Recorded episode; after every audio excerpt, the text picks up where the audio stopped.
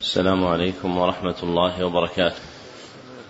الحمد لله الذي جعل الدين مراتب ودرجات وجعل للعلم به أصولا ومهمات. وأشهد أن لا إله إلا الله حقا وأشهد أن محمدا عبده ورسوله صدقا. اللهم صل على محمد وعلى آل محمد كما صليت على إبراهيم وعلى آل إبراهيم إنك حميد مجيد. اللهم بارك على محمد وعلى آل محمد كما باركت على إبراهيم وعلى آل إبراهيم إنك حميد مجيد. أما بعد حدثني جماعة من المسندين وهو أول حديث سمعته منهم بإسناد كل إلى سفيان بن عيينة عن عمرو بن دينار عن أبي قابوس مولى عبد الله بن عمرو عن عبد الله بن عمرو بن العاص رضي الله عنهما عن رسول الله صلى الله عليه وسلم قال الراحمون يرحمهم الرحمن. ارحموا من في الأرض يرحمكم من في السماء. ومن آكد الرحمة رحمة المعلمين للمتعلمين. في تلقينهم أحكام الدين وترقيتهم في منازل اليقين. ومن طرائق رحمتهم إيقافهم على مهمات العلم بإقراء أصول المتون وتبيين مقاصدها الكلية ومعانيها الإجمالية. ليستفتح بذلك المبتدئون تلقيهم ويجد فيه المتوسطون ما يذكرهم ويطلع منه المنتهون إلى تحقيق مسائل العلم. وهذه تتمة شرح الكتاب السادس من برنامج مهمات العلم في مرحلته الأولى وهو كتاب التوحيد الذي هو حق الله على العبيد لإمام الدعوة الإصلاحية في جزيرة العرب في القرن الثاني عشر الشيخ محمد بن عبد الوهاب التميمي رحمه الله المتوفى سنة ست بعد المئتين والألف وقد انتهى بنا البيان إلى قوله رحمه الله باب بيان شيء من أنواع السحر نعم. بسم الله الرحمن الرحيم. الحمد لله رب العالمين وصلى الله وسلم على نبينا محمد. قال رحمه الله تعالى باب بيان شيء من أنواع السحر مقصود الترجمة بيان شيء من أنواع السحر المندرجة تحت معناه في اللغة. وتلك الأنواع قد تكون من المعنى المصطلح عليه وفق ما تقدم وقد لا تكون منه. وإنما أدرجت في اسم السحر باعتبار الأصل اللغوي. فإن السحر في لسان العرب ما خفي ولطف سببه. فأل في كلمة السحر في هذه الترجمة للجنس لا للعهد. بخلاف الترجمة السابقة فإن أل فيها عهدية. يراد بها السحر المصطلح عليه وهي الرقى التي ينفث فيها مع الاستعانة بالشياطين. نعم. قال أحمد حدثنا محمد بن جعفر قال حدثنا عوف عن حيان بن العلاء قال حدثنا قطن بن قبيصة عن أبيه أنه سمع النبي صلى الله عليه وسلم قال قال إن العيافة والطرق والطيرة من الجبت. قال عوف العيافة زجر الطير والطرق الخط يخط في الأرض. والجبت قال الحسن رنة الشيطان. إسناده جيد ولأبي داود والنسائي وابن حبان في صحيحه المسند منه. وعن ابن عباس رضي الله عنهما قال قال رسول الله صلى الله عليه وسلم من اقتبس شعبة من النجوم فقد اقتبس شعبة من السحر زاد ما زاد. رواه أبو داود بإسناد صحيح. وللنسائي من حديث أبي هريرة رضي الله عنه من عقد عقدة ثم نفث فيها فقد سحر ومن سحر فقد أشرك ومن تعلق شيئا وكل إليه. وعن ابن مسعود أن رسول الله صلى الله عليه وسلم قال ألا هل أنبئكم ما العظم؟ هي النميمة القالة بين الناس. رواه مسلم. ولهما عن ابن عمر رضي الله عنهما أن رسول الله صلى الله عليه وسلم قال إن من البيان لسحرا. ذكر المصنف رحمه الله لتحقيق مقصود الترجمة خمسة أدلة. فالدليل الأول حديث قبيصة الهلالي عن أبيه أن النبي صلى الله عليه وسلم حديث قطن بن قبيصة الهلالي عن أبيه قبيصة رضي الله عنه أن النبي أن النبي صلى الله عليه وسلم قال إن العيافة والطرق الحديث. رواه أبو داود والنسائي. والعزو إليهما أولى زيادة على رواية أحمد له وإسناده ضعيف. ودلالته على مقصود الترجمة في قوله إن العيافة والطرق والطيرة. فذكر ثلاثة أنواع من السحر. أحدها العيافة وهي زجر الطير أي بعثها وتحريكها والاعتبار بأسمائها وأوصافها وألوانها ومساقطها في الاستدلال بها على ما سيكون. وكان من العرب من له معرفة مشهورة في ذلك. وربما أطلقت العيافة على معنى الحدس والتخمين إلا أنها في الأول أظهر وهي بذلك المعنى عند العرب أشهر. وثانيها الطرق وهو الضرب بالحصى والخط في الرمل لمعرفة المغيبات. وقول عوف الطرق هو الخط يخط بالأرض بعض معناه وإلا فالطرق شامل الخط في الرمل والضرب بالحصى. والمختص عندهم بالخط من الأرض هو الرمل. فإنهم كانوا يقصدون الرمل دون غيره فيرسمون عليه خطوطا يستدلون بها على المغيبات. ومنه قيل لمن ادعى علم الغيب بهذا رمالا. وثالثها الطيرة. وهي اسم لكل ما يحمل على الإقدام أو الإحجام. وجعل النبي صلى الله عليه وسلم هذه الثلاثة كلها من الجبت. وتقدم أن عمر رضي الله عنه فسره بالسحر. فمعنى الحديث إن العيافة والطرق والطيرة من السحر. فظهر مقصود الترجمة فيه. وقول الحسن رحمه الله مفسرا الجبت رنة الشيطان يرجع إلى ما ذكره عمر رضي الله عنه. فإن الرنة لها معنيان أحدهما الصوت الشديد.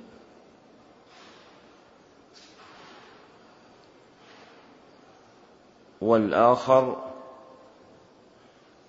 الصيحة الحزينة.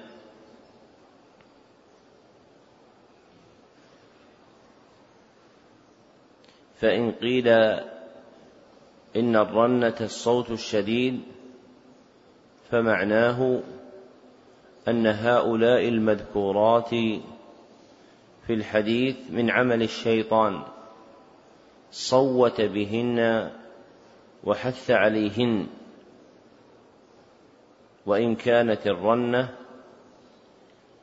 هي الصيحة الحزينة فمعناه أن حزن الشيطان بإخراجه من الجنة حمله على الكيد في إضلال الخلق. ومن كيده في إضلالهم هؤلاء المذكورات. ويصدق هذا قوله تعالى واتبعوا ما تتلو الشياطين على ملك سليمان وما كفر سليمان ولكن الشياطين كفروا يعلمون الناس السحر فالسحر من عمل الشيطان الذي بثه بين الخلق. ووقع في طبعة المسند إنه الشيطان في قول الحسن فادعي أن ما في كتاب التوحيد مصحف منه والأشبه أن المصحف هو ما في طبعة المسند لأنه لا يحتاج في تفسيرها إلى أن يقول الحسن إنه الشيطان بل كان يكفيه أن يقول مفسرا له الجبت الشيطان. والواقع في أكثر الكتب تفسيره بقوله رنة الشيطان فالمحقق أن الصواب فيها رنة الشيطان. وأما ما وقع في المسند وغيره إنه الشيطان فإنه تصحيف. والدليل الثاني حديث ابن عباس رضي الله عنهما قال قال رسول الله صلى الله عليه وسلم من اقتبس شعبة من النجوم الحديث. رواه أبو داود وابن ماجه بإسناد صحيح. لكن بلفظ من اقتبس علما من النجوم فقد اقتبس شعبة من السحر. ودلالته على مقصود الترجمة في قوله من اقتبس علما من النجوم. مع قوله فقد اقتبس شعبة من السحر فجعل علم المغيبات بالاستدلال بالنجوم من السحر. فالتنجيم من شعب السحر وأجزائه. والجامع بينهما هو وجود تأثير خفي فيهما ومتعلقه تنجيم التأثير لا تنجيم التسيير وسيأتي بإذن الله باب مفرد في التنجيم والدليل الثالث حديث أبي هريرة رضي الله عنه قال قال رسول الله صلى الله عليه وسلم من عقد عقدة ثم نفث فيها فقد سحر. الحديث رواه النسائي بهذا التمام وإسناده ضعيف. والصواب أنه مرسل عن الحسن البصري. والجملة الأخيرة تقدمت من حديث عبد الله بن عكيم بإسناد ثابت عنه كما سلف. ودلالته على مقصود الترجمة في قوله من عقد عقدة ثم نبث نفث فيها فقد سحر أي نفث فيها مستعينا بالشياطين وعقد عليها ويسمى هذا سحر العقد ورده إلى حقيقة السحر الاصطلاحية المتقدمة ظاهر والدليل الرابع حديث ابن مسعود رضي الله عنه أن النبي صلى الله عليه وسلم قال ألا هل أنبئكم ما العضد؟ الحديث رواه مسلم. ودلالته على مقصود الترجمة في قوله ما العضه؟ أي ما السحر؟ فإنه من أسمائه. ثم بينه فقال هي النميمة القالة بين الناس. أي المقولة الكائدة التي تفرق بين الناس. المقولة الكائدة التي تفرق بين الناس.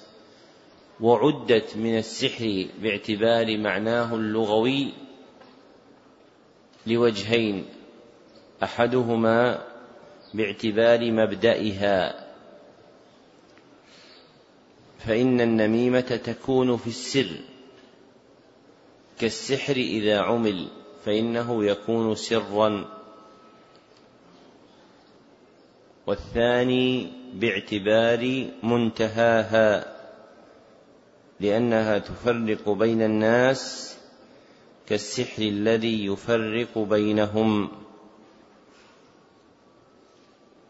والدليل الخامس حديث عبد الله بن عمر رضي الله عنهما أن رسول الله صلى الله عليه وسلم قال إن, الب... إن من البيان لسحرا وهو عند البخاري دون مسلم. إذ ليس عند مسلم لا بأصله ولا بلفظه. ودلالته على مقصود الترجمة في جعل البيان المعرب عن المقصود من جملة السحر.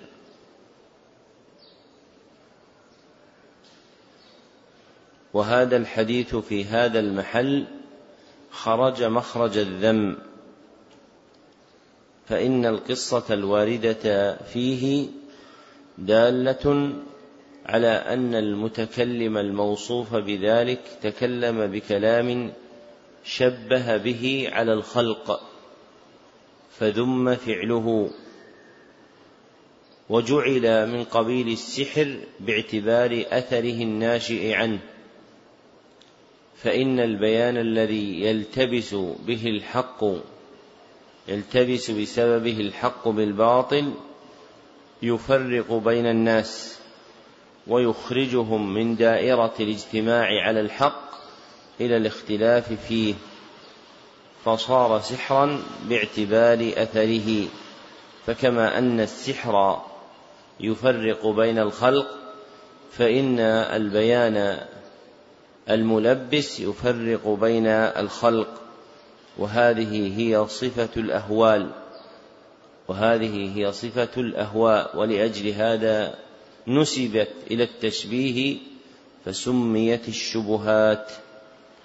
وأصحاب الباطل يشبهون على الخلق باطلهم بالحق ليشتبه على الناس. ذكره أبو العباس ابن تيمية الحفيد رحمه الله. وفي معناه قال تلميذه ابن القيم في إغاثة اللفان كل صاحب باطل لا يتمكن من إظهار باطله إلا في ثوب حق. انتهى كلامه. أي إلا في إلباسه ثوب الحق ليروج عند الخلق. ومجموع ما ذكره المصنف في هذا الباب من أنواع السحر سبعة. هي العيافة والطرق والطيرة والتنجيم التأثيري. والعقد المنفوث فيها والنميمة والبيان الملبس. وكلها محرمة. وسميت الثلاثة الأخيرة. سحرا باعتبار المعنى اللغوي لا الاصطلاحي فالمعنى الاصطلاحي للسحر مختص بالأربعة الأولى وهي العيافة والطرق والطيرة والعقد التي ينفث فيها بالاستعانة بالشياطين. نعم. قال رحمه الله تعالى فيه مسائل. الأولى أن العيافة والطرق والطيرة من الجبت. الثانية تفسير العيافة والطرق. الثالثة أن علم النجوم من نوع السحر. قوله رحمه الله الثالثة أن علم النجوم من نوع السحر. المراد تنجيم التأثير منه. دون تنجيم التسيير كما سيأتي. نعم. الرابعة العقد مع النفث من ذلك. الخامسة أن النميمة بين الناس من ذلك. السادسة أن من ذلك بعض الفصاحة. قوله رحمه الله السادسة أن من ذلك بعض الفصاحة أي الفصاحة الملبسة للحق بالباطل فإنها من جملة السحر لما يترتب عليها من تفريق الخلق عن الحق وإحداث اختلافهم فيه. نعم. باب ما جاء في الكهان ونحوهم. مقصود الترجمة بيان ما جاء في الكهان ونحوهم من الوعيد الشديد والتغليظ الأكيد. والكهان جمع كاهن. وهو الذي يخبر عن المغيبات بالأخذ عن مسترق السمع من الجن. وهو الذي يخبر عن المغيبات بالأخذ عن مسترق السمع من الجن. سمي كاهنا لأنه يتكهن الأخبار أي يتوقعها ويستشرفها. والمراد بقولهم ونحوهم أي ممن, ممن لهم ذكر في الباب عنده وهم العراف والمنجم والرمال. فكلهم يشتركون في ادعاء علم الغيب مستعينين بالجن. ويفترقون في طرق ابتغائه وطلبه. فالعراف يستدل بأمور ظاهرة معروفة على أشياء غائبة. والمنجم يستدل بالنظر في النجوم. والرمال يستدل بالخط في الرمل. والكاهن كما سبق يستدل بالأخذ عن مستلق السمع فخولف بين أسمائهم لاختلاف الطرائق التي يدركون بها بغيتهم من علم الغيب. فهم مشتركون في دعوى علم الغيب ومفترقون في الطرائق المفضية إلى ما ادعوه فخولف بين الأسماء لاختلاف تلك الطرائق. نعم. روى مسلم في صحيحه عن بعض أزواج النبي صلى الله عليه وسلم عن النبي صلى الله عليه وسلم قال من أتى عرافا فسأله عن شيء فصدقه لم تقبل له صلاة أربعين يوما. وعن أبي هريرة رضي الله عنه عن النبي صلى الله عليه وسلم قال من أتى كاهنا فصدقه بما يقول فقد كفر بما أنزل على محمد صلى الله عليه وسلم. رواه أبو داود. وللأربعة والحاكم وقال صحيح على شرطهما عن من أتى عرافا أو كاهنا فصدقه بما يقول فقد كفر بما أنزل على محمد صلى الله عليه وسلم. ولأبي يعلى بسند جيد عن ابن مسعود مثله موقوفا.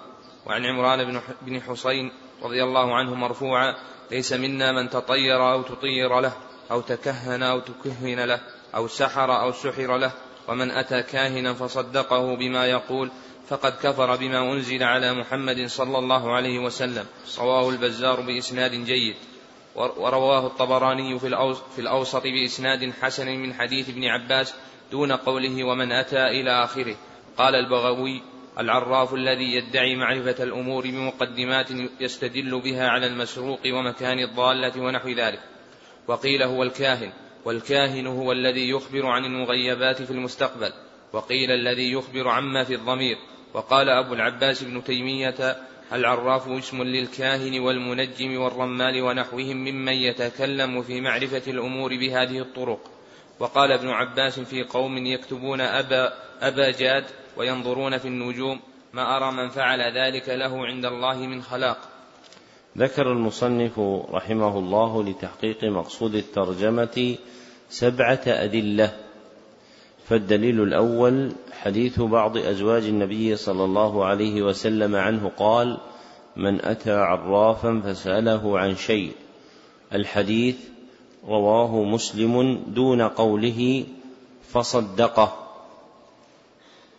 فإن هذه الزيادة عند أحمد وعزوها إلى مسلم بهذا اللفظ على إرادة أصل الحديث. وهي زيادة صحيحة كأصل الحديث ودلالته على مقصود الترجمة في قوله من أتى عرافا مع قوله لم تقبل له صلاة أربعين يوما أي لم يثب عليها وإن صحت منه وبرئت ذمته بأدائها. وإذا كان هذا محكوما به على من أتاه فسأله فصدقه فإن الحكم على المسؤول وهو العراف أشد وأفظع فظهر وجه دلالتها على مقصود الترجمة. والدليل الثاني حديث أبي هريرة رضي الله عنه عن النبي صلى الله عليه وسلم قال من أتى كاهنا فصدقه بما يقول.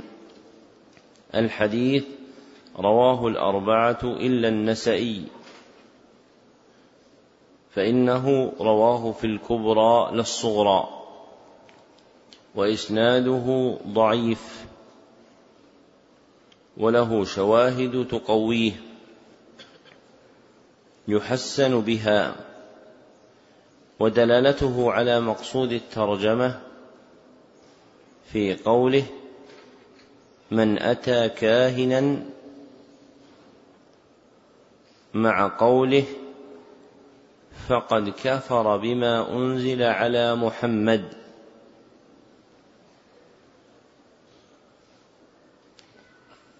والحكم بهذا على المسؤول وهو الكاهن أحق من الحكم به على السائل.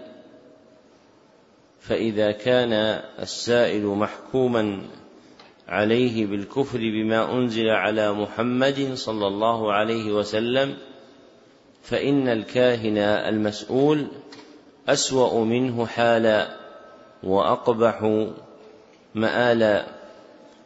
والكفر هنا هو الأصغر. جمعا بين الحديثين السابق وهذا لأن صحة الصلاة منه دالة على كونه مسلما. فلما صحت الصلاة منه قطع ببقائه على الإسلام وحمل حينئذ الكفر المذكور في الحديث على الكفر الأصغر. ولا محيد من الجمع بين الحديثين على هذا الوجه وهو أحد قولي أهل العلم. ولو لم تصح زيادة فصدقه لأمكن المصير إلى التفريق بين حالين. إحداهما من أتى الساحر أو الكاهن أو العراف فسأله فلم يصدقه فهذا لا تقبل له صلاة أربعين يوما ويكون مسلما. والثانية من أتى كاهنا فسأله فصدقه. فهذا كافر كفرا أكبر. إلا أن الزيادة الثابتة في حديث بعض أزواج النبي صلى الله عليه وسلم فصدقه. بعد وجود السؤال دالة على استواء الحال وأن من سأله فصدقه لم تقبل له صلاة أربعين يوما وقد كفر بما أنزل على محمد. ويكون الكفر حينئذ كفرا أصغر لأنه قد صحت منه الصلاة لكن لم يثب عليها. والدليل الثالث حديث أبي هريرة رضي الله عنه أيضا. وبيض المصنف لراويه عن النبي صلى الله عليه وسلم. قال من أتى عرافا أو كاهنا فصدقه بما يقول الحديث. وعزاه المصنف للأربعة والحاكم وهو عند الحاكم بهذا اللفظ دون الأربعة وهم أصحاب السنن. لكن عزو الحديث إليهم صحيح باعتبار أصله. فإن أصل الحديث عندهم وقد عزاه إليهم قبل المصنف الحافظ أبو الفضل ابن حجر رحمه الله في فتح الباري مريدا أصل الحديث وملاحظة ذلك معتد بها عند أهل العلم وإسناد هذا الحديث صحيح. ودلالته على مقصود الترجمة كسابقه. في قوله فقد كفر بما أنزل على محمد. والدليل الرابع حديث ابن مسعود رضي الله عنه مثله موقوفا. أخرجه أبو يعلى الموصلي في مسنده وإسناده حسن وله حكم الرفع لأن خبر الصحابي عن كون شيء شركا أو كفرا لا يقال من قبل الرأي. فله حكم الرفع. ذكره أبو عمر ابن عبد البر في التمهيد. ودلالته على مقصود الترجمة كالحديثين السابقين. والدليل الخامس حديث عمران بن حسين رضي الله عنهما مرفوعا ليس منا من تطير أو تطير له الحديث. رواه البزار في مسنده وإسناده ضعيف. والأحاديث الأخرى في الباب تقويه وتشهد له. ودلالته على مقصود الترجمة من وجهين. أحدهما في قوله فقد كفر بما أنزل على محمد صلى الله عليه وسلم فصرح بكفره. والآخر في قوله ليس منا وعد أشياء ذكر منها أو تكهن أو تكهن له. فالمتكهن هو الكاهن والمتكهن له هو السائل الذي يسأله. ومعنى ليس منا نفي الإيمان الواجب عنه وما نفي عن صاحبه.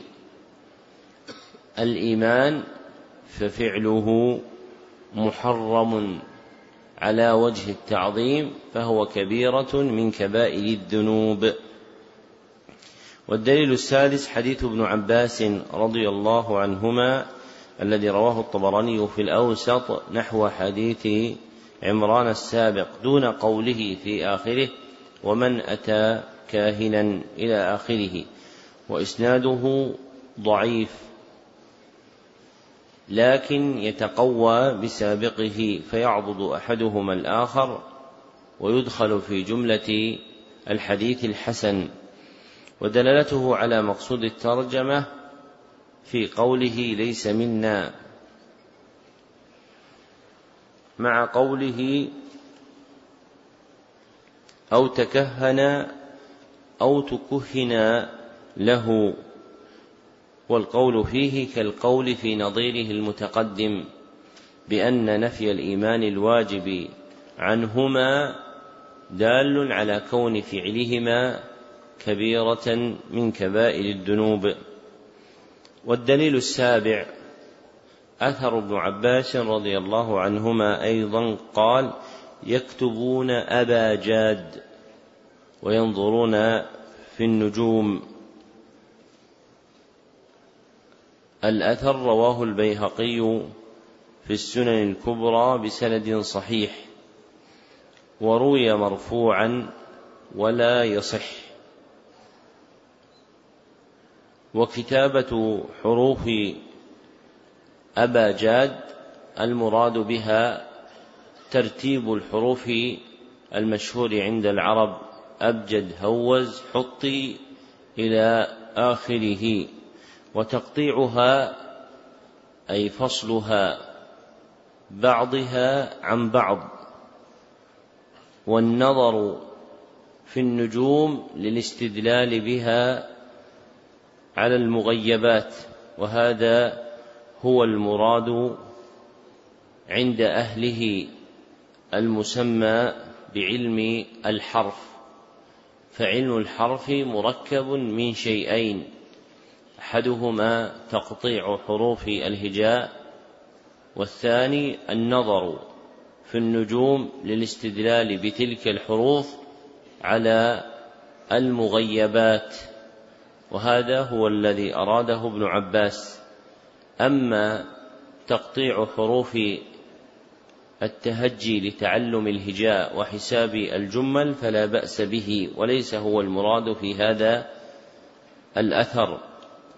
ودلالته على مقصود الترجمة في قوله ما أرى من فعل ذلك له عند الله من خلاق. وتقدم أن نفي الخلاق يراد به نفي الحظ من الخير في الآخرة ومن لا حظ له من الخير في الآخرة هو الكافر كما تقدم تقرير هذا المعنى فيما سلف. نعم. قال رحمه الله تعالى فيه مسائل. الأولى أنه لا يجتمع تصديق الكاهن مع الإيمان بالقرآن. الثانية التصريح بأنه كفر. الثالثة ذكر من تكهن له. الرابعة ذكر من تطير له. الخامسة ذكر من سحر له. السادسة ذكر من تعلم أباجات قوله رحمه الله السادسة ذكر من تعلم أباجاد أي لادعاء علم الغيب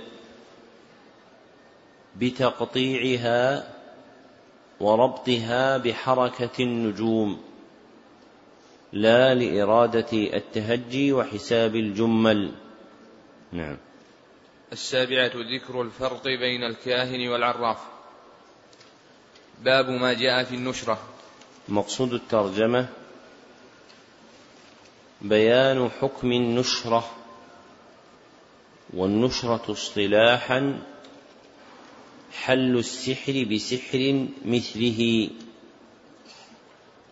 وربما جعلت اسما لكل ما حل به السحر ولو بالرقى الشرعية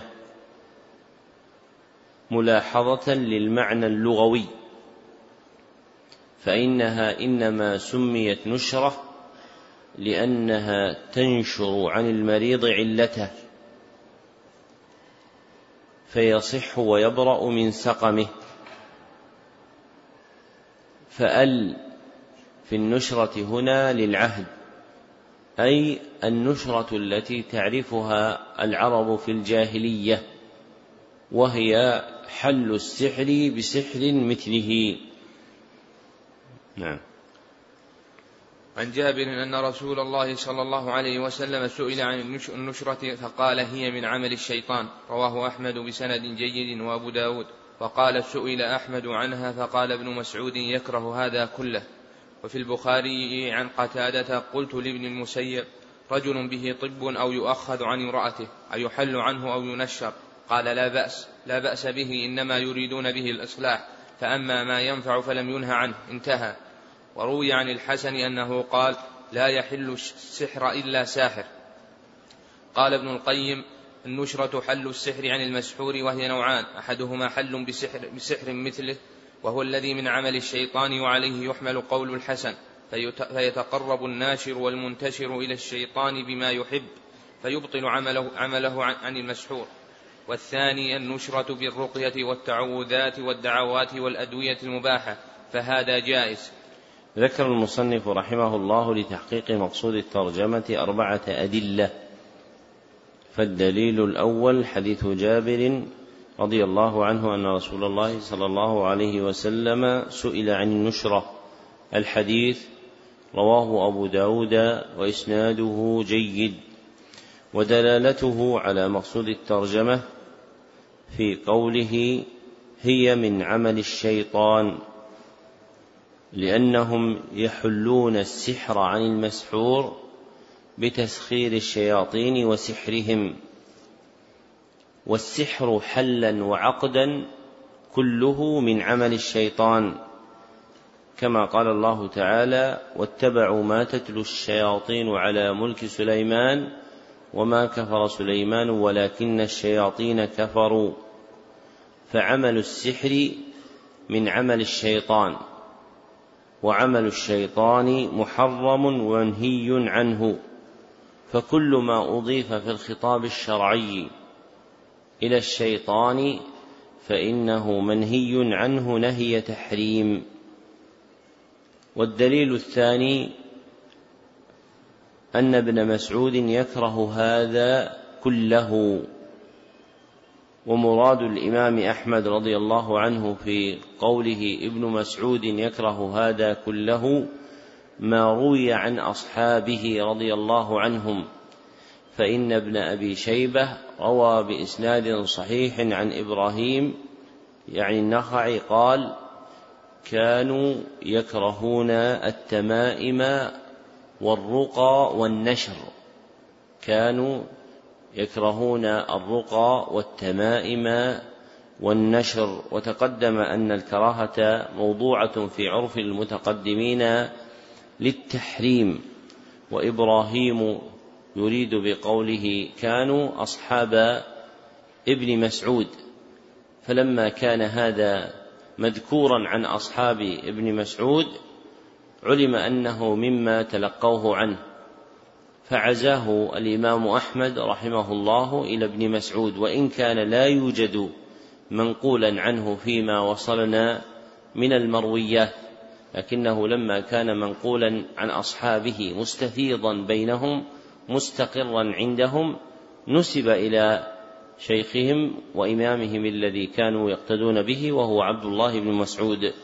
والدليل الثالث أثر سعيد بن المسيب لما قال له قتادة رجل به طب أي سحر لأن ابتداء السحر كان على إرادة التطبيب كما سلف أو يؤخذ عن امرأته أي يحبس عنها فلا يصل إلى جماعها أي يحل عنه أو ينشر أي تفك عقد سحره ويرقى لكشف علته. فقال لا بأس به أي لا بأس بحل السحر عنه. إنما يريدون به الإصلاح أي بدفع علته. فأما ما ينفع أي من الرقى فلم ينهى عنه لأنه إنما نهي عما لا نفع فيه وهي الرقى الشركية. أما الرقى الشرعية فلم ينه عنها. هذا معنى كلام ابن المسيب. وتتبع ألفاظ الأثر يدل عليه فمن ظنه في حل السحر بالسحر فقد أخطأ على ابن المسيب في فهمه وإنما هو في حل السحر بما ينفع. والذي ينفع مما يحل به السحر هو الرقى الشرعية. أما الرقى الشركية فإنها لا تنفع. وقد علق البخاري هذا الأثر مجزوما به في صحيحه ووصله أبو بكر الأثرم في كتاب السنن بإسناد صحيح. والنشرة المذكورة هنا سميت نشرة باعتبار المعنى اللغوي لا الاصطلاحي لأن الاصطلاحي كما تقدم حل السحر بسحر مثله وهو الذي جاء في حديث جابر المتقدم لكن قوله هنا أو ينشر عنه أي يطلب له ما يكشف علته ويدفع عنه ما اعتراه من الداء فسماه نشرة باعتبار المعنى اللغوي لا الاصطلاحي والدليل الرابع أثر الحسن البصري لا يحل السحر إلا ساحر. ولم يعزه المصنف إلى أحد وهو عند ابن أبي شيبة بسند حسن عن الحكم بن عطية قال سمعت الحسن وسئل عن النشر فقال سحر.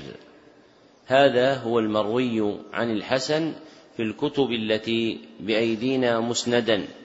أما باللفظ الذي ذكره المصنف فإنما أورده ابن الجوزي في جامع السنن والمسانيد لكن بلا سند ولم أقف عليه موصولا إلا باللفظ المذكور الوارد عند ابن أبي شيبة في المصنف ودلالته على مقصود الترجمة في خبره رحمه الله أن النشرة لا تتحقق إلا بكون الناشر متعاطيا السحر فيحل السحر بسحر مثله ومراده النشرة المصطلح عليها عند العرب التي كانوا يستعملونها إذ يسلطون على سحر الساحر الذي عقد ساحرا يسحر فيحل سحر الساحر الأول.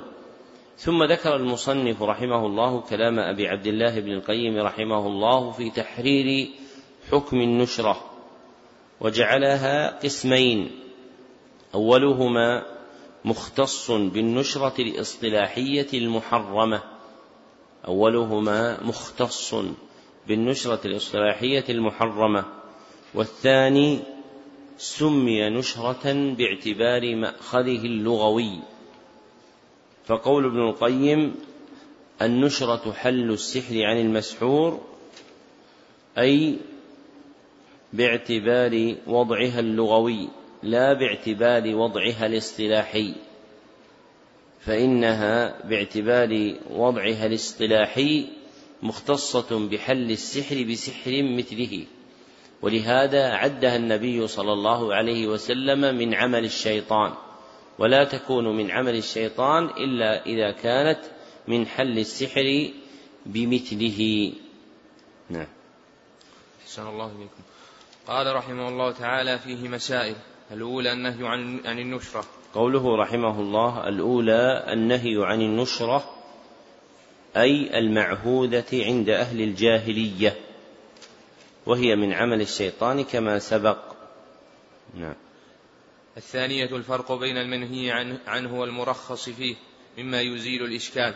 قوله رحمه الله الثانية الفرق بين المنهي عنه والمرخص فيه مما يزيل الإشكال لأن المنهي عنه هو حل السحر بسحر مثله فهي نشرة شركية محرمة والمرخص فيه هو حله بالرقى والدعوات والتعوذات والأدوية المباحة وهذا سمي نشرة باعتبار المعنى اللغوي لا باعتبار الحقيقة الاصطلاحية التي علق بها الحكم الشرعي.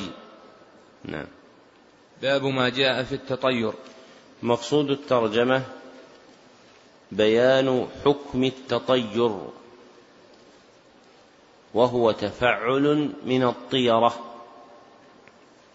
والطيرة ما يقصده العبد للحمل على الإقدام أو الإحجام في أمر ما ما يقصده العبد للحمل على الإقدام أو الإحجام في أمر ما. وأكثره عند أهل الجاهلية يكون بالطير فنسب إليها ولا تختص بالتشاؤم. بل هو فرد من أفرادها. وهي شرك أصغر لأنها تتضمن ركون القلب إلى المقصود فيها وضعف التوكل على الله مع الأخذ بما ليس سببا شرعيا ولا قدريا. وتقدم أن من فروع قاعدة الأسباب أن جعل شيء سببا وهو ليس كذلك لا بطريق الشرع ولا بطريق القدر فإنه شرك إيش؟ اصغر نعم. وقول الله تعالى ألا إنما طائرهم عند الله ولكن أكثرهم لا يعلمون وقوله قالوا طائركم عن قالوا طائركم معكم الآية. وعن أبي هريرة رضي الله عنه أن رسول الله صلى الله عليه وسلم قال لا عدوى ولا طيرة ولا هامة ولا صفا. اخرجاه زاد مسلم ولا نوى ولا غول. ولهما عن أنس قال قال رسول الله صلى الله عليه وسلم لا عدوى ولا طيرة ويعجبني الفاء قالوا وما الفاء قال الكلمة الطيبة. ولأبي داود بإسند صحيح عن عقبة بن عامر قال ذكرت ذكرت الطيرة عند رسول الله صلى الله عليه وسلم فقال أحسنها الفاء ولا ترد مسلما. فإذا رأى أحدكم ما يكره فليقل اللهم لا يأتي بالحسنات إلا أنت ولا يدفع السيئات إلا أنت ولا حول ولا قوة إلا بك. وعن ابن مسعود مرفوعا الطيرة شرك الطيرة شرك وما منا إلا ولكن الله يذهبه بالتوكل. رواه أبو داود والترمذي وصححه. وجعل آخره, وجعل آخره من قول ابن مسعود. ولأحمد من حديث ابن عمرو من ردته الطيرة عن حاجته, عن حاجته فقد أشرك قالوا فما كفارة ذلك؟ قال أن يقول اللهم لا خير إلا خيرك ولا طير إلا طيرك ولا إله غيرك. وله من حديث الفضل بن العباس رضي الله عنهما إنما الطيرة ما أمضاك أو رده. ذكر المصنف رحمه الله لتحقيق مقصود الترجمة ثمانية أدلة فالدليل الأول قوله تعالى ألا إنما طائرهم عند الله ودلالته على مقصود الترجمة في قوله ألا إنما طائرهم عند الله أي ما قضي لهم وكتب عليهم. وهؤلاء هم آل فرعون. كانوا يتطيرون بموسى عليه الصلاة والسلام ومن معه ويجعلونهم سببا لإصابة السيئة لهم فأبطل الله اعتقادهم ورده إلى قدره ومشيئته. المشار إليه بقوله إنما طائرهم عند الله فالطائر هو القدر المقضي. ففيه إبطال تأثير الطيرة لأنه لا أثر لها في تغيير قدر الله وتحويله. والدليل الثاني قوله تعالى قالوا طائركم معكم الآية ودلالته على مقصود الترجمة في قوله قالوا طائركم معكم أي قدركم الملازم لكم. كما قال تعالى وكل إنسان ألزمناه طائره في عنقه أي ما قدرنا عليه فهو ملازم له. وهذه المقالة هي قولة المرسلين إلى أهل القرية لما قال أهل القرية لهم إنا تطيرنا بكم. فردوا عليهم بقوله إن قالوا طائركم معكم. ففيه إبطال الطيرة وإثبات القدر فالآيتان هما في إثبات القدر المتضمن إبطال تصرف غير الله فيه. وإذا ثبت أن القدر كله بيد الله فما يتوهم من تأثير غيره لا حقيقة له. ومن جملة ذلك الطيرة. فالآيتان دالتان على إبطال الطيرة لما فيهما من إثبات القدر. والدليل الثالث حديث أبي هريرة رضي الله عنه أن رسول الله صلى الله عليه وسلم قال لا عدوى ولا طيرة الحديث متفق عليه. ودلالته على مقصود الترجمة في قوله ولا طيرة فنفى الطيرة التي كان أهل الجاهلية يعتقدونها والنفي دال على بطلانها وعدم تأثيرها وهو أبلغ من النهي لأن النفي نهي وزيادة والزيادة في التأكيد على نفي الوجود. والدليل الرابع حديث أنس بن مالك رضي الله عنه قال قال رسول الله صلى الله عليه وسلم لا عدوى ولا طيرة. الحديث متفق عليه. ودلالته على مقصود الترجمة في قوله ولا طيرة على ما تقدم بيانه. والدليل الخامس حديث عروة بن عامر. لا عقبة بن عامر. رواه أبو داود. وعروة تابعي على الصحيح. فيكون هذا الحديث مرسلا. والمرسل من نوع الحديث الضعيف ودلالته على مقصود الترجمة في قوله ولا ترد مسلما فمن كمل دينه لم يتعلق قلبه بها ولا أثرت فيه ومن أثرت فيه نقص دينه ومن قواعد الشرع أن كل فعل اختياري. يرجع على العبد بنقصان دينه فهو محرم. كل فعل اختياري يرجع على العبد بنقصان دينه فهو محرم.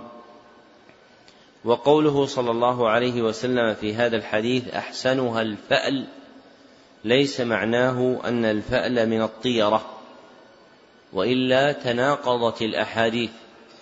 لأن النبي صلى الله عليه وسلم نفاها فقال لا طيرة ثم قال يعجبني الفأل كما في حديث أنس السابق والطيرة كلها لا خير فيها فقوله في الحديث أحسنها لا يراد به حقيقة التفضيل بالمشاركة من كل وجه. بل باعتبار قدر مشترك وهو وجود التأثير فالطيرة فيها وجود التأثير وكذلك الفأل فيه وجود التأثير لكن الطيرة تحمل على الإقدام أو الإحجام أما الفأل فإنه لا يؤثر في الإقدام أو الإحجام وإنما يكون فيه تيمن بما وقع من كلمة قولية أو فعل والغالب أن الفأل يكون بالكلمة. ولذلك قال النبي صلى الله عليه وسلم ويعجبني الفأل. فقيل له وما الفأل؟ قال الكلمة الطيبة. فالكلمة الطيبة هي أكثر أنواع الفأل. فلأجل هذا جعل النبي صلى الله عليه وسلم الفأل لوجود معنى التأثير فيه مشاركا للطيرة وإن كان ليس منها لأنهما يفترقان في أمر عظيم وهو أن الطيرة تحمل على الإقدام أو الإحجام. أما الفأل فإنه لا يحمل على الإقدام أو الإحجام. وإنما يكون محركا ومنشطا مقويا للعبد على العمل الذي أراده. فأصل العمل متقدم بنية العبد لكن وقع له ما تيمن به وجعله فألا فزاده نشاطا في مقصوده. والدليل السادس حديث ابن مسعود رضي الله عنه مرفوعا قال الطيرة شرك. الحديث رواه أبو داود والترمذي وابن ماجه وإسناده صحيح. وآخره وهو قوله ولكن الله يذهبه بالتوكل مدرج من كلام ابن مسعود رضي الله عنه على الصحيح فليس هو من كلامه صلى الله عليه وسلم. ودلالته على مقصود الترجمة في قوله الطيرة شرك والتكرار للتأكيد. وهي شرك لما فيها من تعلق القلب بغير الله واعتقاد تأثير سبب متوهم لا حقيقة له. والدليل السابع حديث عبد الله بن عمرو رضي الله عنهما من ردته الطيرة عن حاجته فقد أشرك. الحديث رواه أحمد وإسناده ضعيف ودلالته على مقصود الترجمة في قوله من ردته الطيرة عن حاجته فقد أشرك فجعلها صلى الله عليه وسلم شركا ومعناه في حديث ابن مسعود المتقدم وهو حديث صحيح فيه التصريح بأن الطيرة شرك والدليل الثامن حديث الفضل بن عباس رضي الله عنهما إنما الطيرة ما أمضاك أو ردك. الحديث رواه أحمد وإسناده ضعيف ودلالته على مقصود الترجمة في قوله إنما الطيرة ما أمضاك أو ردك وهو في بيان حقيقة الطيرة. لكن النبي صلى الله عليه وسلم قالها لا على إرادة بيان حقيقتها بل على إرادة التبرؤ منها. فلفظ الحديث عند أحمد عن الفضل بن عباس رضي الله عنهما قال خرجت يوما مع رسول الله صلى الله عليه وسلم فبرح ظبي فمال النبي صلى الله عليه وسلم في شقه فقال له الفضل تطيرت؟ فقال النبي صلى الله عليه وسلم إنما الطيرة ما أمضاك أو ردك. فالفضل بن عباس لما رأى ميل النبي صلى الله عليه وسلم عليه لما برح الظبي بين يديه ظنه تطير به والعرب كانت تتطير بالظبي إذا برح أي ولى مياسره وإذا سنح تفاءلت به.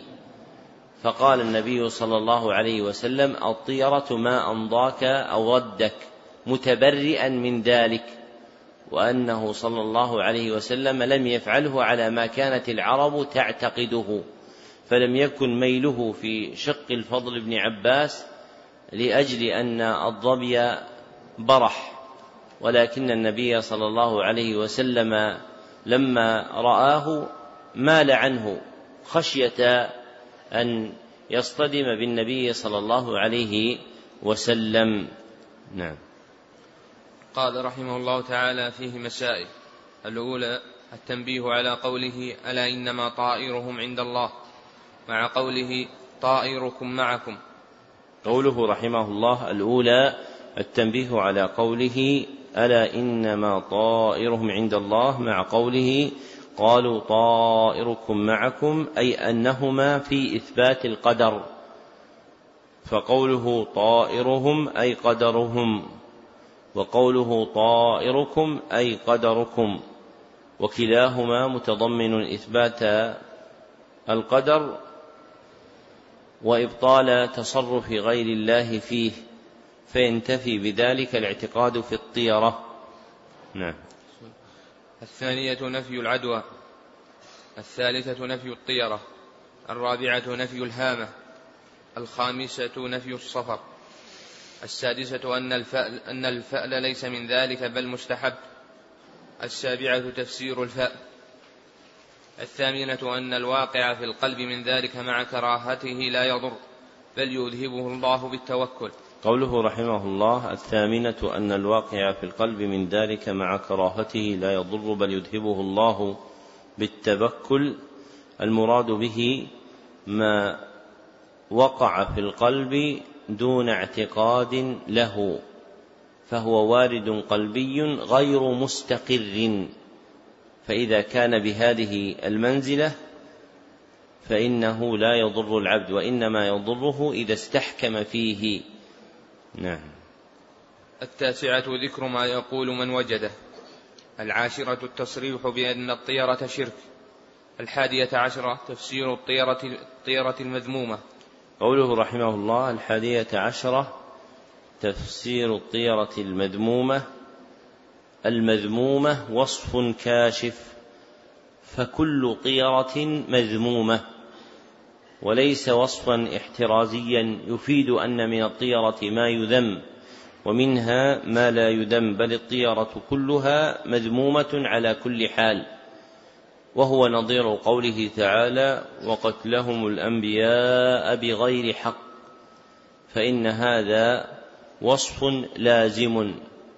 فقتل الأنبياء جميعا كله بغير حق ولا يراد منه أن في قتل الأنبياء ما هو بحق وأن منه ما هو بغير حق بل هو وصف كاشف مبين أن وقوع قتلهم هو دائما على غير حق أو بغير حق. نعم. باب ما جاء في التنجيم. مقصود الترجمة بيان حكم التنجيم. وهو النظر في النجوم للاستدلال بها على التسيير أو التأثير. النظر في النجوم للاستدلال بها على التسيير أو التأثير. فالتنجيم نوعان. أحدهما تنجيم التسيير وهو الاستدلال بحركات سيرها على الجهات والأحوال وهو الاستدلال بحركات سيرها على الجهات والأحوال وهذا جائز عند الجمهور. والآخر تنجيم التأثير وهو النظر فيها لاعتبار تأثيرها في الحوادث الكونية. وهو النظر فيها لاعتبار تأثيرها في الحوادث الكونية. وهذا النوع قسمان. فالقسم الأول اعتقاد كونها سببا غير مستقل بالتأثير بل هو تابع لتقدير الله. وهو مختلف فيه بين أهل العلم. فمنهم من يرى أن النجوم من الأسباب القدرية التي تؤثر في الحركات الكونية كوقوع المد والجزر باعتبار قرب القمر وبعده من الأرض أو وقوع الكسوف والخسوف باعتبار ما يكون من الاجتماع والافتراق بين حركات الشمس والأرض والقمر. فمن أهل العلم من يرى كونها كذلك ومنهم من لا يرى أنها مؤثرة في الحوادث الكونية. وأصح القولين أنها مؤثرة في الحوادث الكونية. فهي سبب من الأسباب المندرجة في قدر الله. اختار هذا أبو العباس بن تيمية الحفيد رحمه الله. والقسم الثاني ما أطبق أهل العلم على كونه كفرا بالاتفاق. ما أطبق أهل العلم على كونه كفرا بالاتفاق. وذلك في حالين. إحداهما اعتقاد كونها مستقلة بالتأثير. اعتبار كونها مستقلة بالتأثير مدبرة للكون بحركاتها. والأخرى اعتقاد كونها مرشدة إلى الغيب دالة عليه مفصحة عنه. بحركاتها ائتلافا وافتراقا. نعم. قال البخاري في صحيحه قال قتادة خلق الله هذه النجوم لثلاث زينة للسماء ورجوما للشياطين وعلامات يهتدى بها فمن تأول فيها غير ذلك أخطأ وأضاع نصيبه وتكلف ما لا علم له به انتهى. وكره قتادة تعلم منازل, منازل القمر ولم يرخص ابن عيينة فيه. ذكره حرب عنهما ورخص في تعلم المنازل أحمد وإسحاق. وعن أبي موسى رضي الله عنه قال قال رسول الله صلى الله عليه وسلم ثلاثة لا يدخلون الجنة مدمن الخمر وقاطع الرحم, الرحم ومصدق بالسحر. رواه أحمد وابن حبان في صحيحه. ذكر المصنف رحمه الله لتحقيق مقصود الترجمة أربعة أدلة فالدليل الأول أثر قتادة رحمه الله قال خلق الله هذه النجوم لثلاث الأثر علقه البخاري في صحيحه ووصله عبد بن حميد في تفسيره بإسناد صحيح. ودلالته على مقصود الترجمة في حصره مقاصد خلق الله النجوم في ثلاثة أشياء.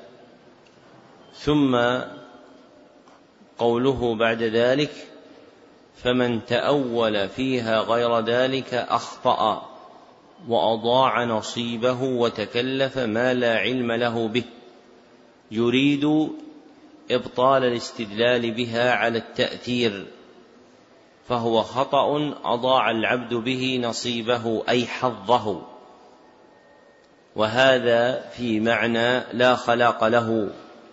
المتقدم. وذكرنا فيما سلف أنه الحظ في الآخرة وقوله وتكلف ما لا علم له به أي تجشم امرا ذا كلفة لا علم له به لأن الله يقول ولا تقف ما ليس لك به علم. والدليل الثاني أثر قتادة أيضا أنه كره تعلم منازل القمر رواه حرب الكرماني في مسائله. ودلالته على مقصود الترجمة في كراهته تعلم منازل القمر فإن الكراهة في عرف السلف يراد بها التحريم. ومنازل القمر هي مواضع نزوله المقدرة في سيره. هي مواضع نزوله المقدرة في سيره وعدتها ثمان وعشرون منزلة وتختلف باختلافها الأحوال والأهوية وهذا من علم التسيير. فقتادة رحمه الله يمنع الاستدلال بالنجوم مطلقا حتى في علم التسيير. وهو أحد قولي أهل العلم والقول الثاني جوازه وهو الصحيح. والحديث والدليل الثالث أثر سفيان بن عيينة رحمه الله أنه لم يرخص في تعلم المنازل القمر رواه حرب أيضا. ودلالته على مقصود الترجمة في عدم الترخيص أي عدم الإباحة. فهي عنده ممنوعة والجمهور كما سلف على خلاف هذا القول فسفيان يريد به علم التسيير كما أراده قتادة. والدليل الرابع حديث أبي موسى الأشعري رضي الله عنه قال قال رسول الله صلى الله عليه وسلم ثلاثة لا يدخلون الجنة. الحديث رواه أحمد وابن حبان وإسناده ضعيف. ويروى معناه في أحاديث عدة بأسانيد ضعاف ودلالته على مقصود الترجمة في قوله ومصدق ومصدق بالسحر لأن التنجيم على اعتقاد التأثير هو من السحر كما تقدم في حديث ابن عباس رضي الله عنهما عند أبي داود في باب بيان شيء من أنواع السحر وفيه من اقتبس علما من النجوم فقد اقتبس شعبة من السحر. وتوعد في هذا الحديث بعدم دخول الجنة الدال على كونه محرما فإن الوعيد على شيء بعدم دخول الجنة يفيد كونه محرما على وجه التعظيم. فيكون كبيرة من كبائر الذنوب.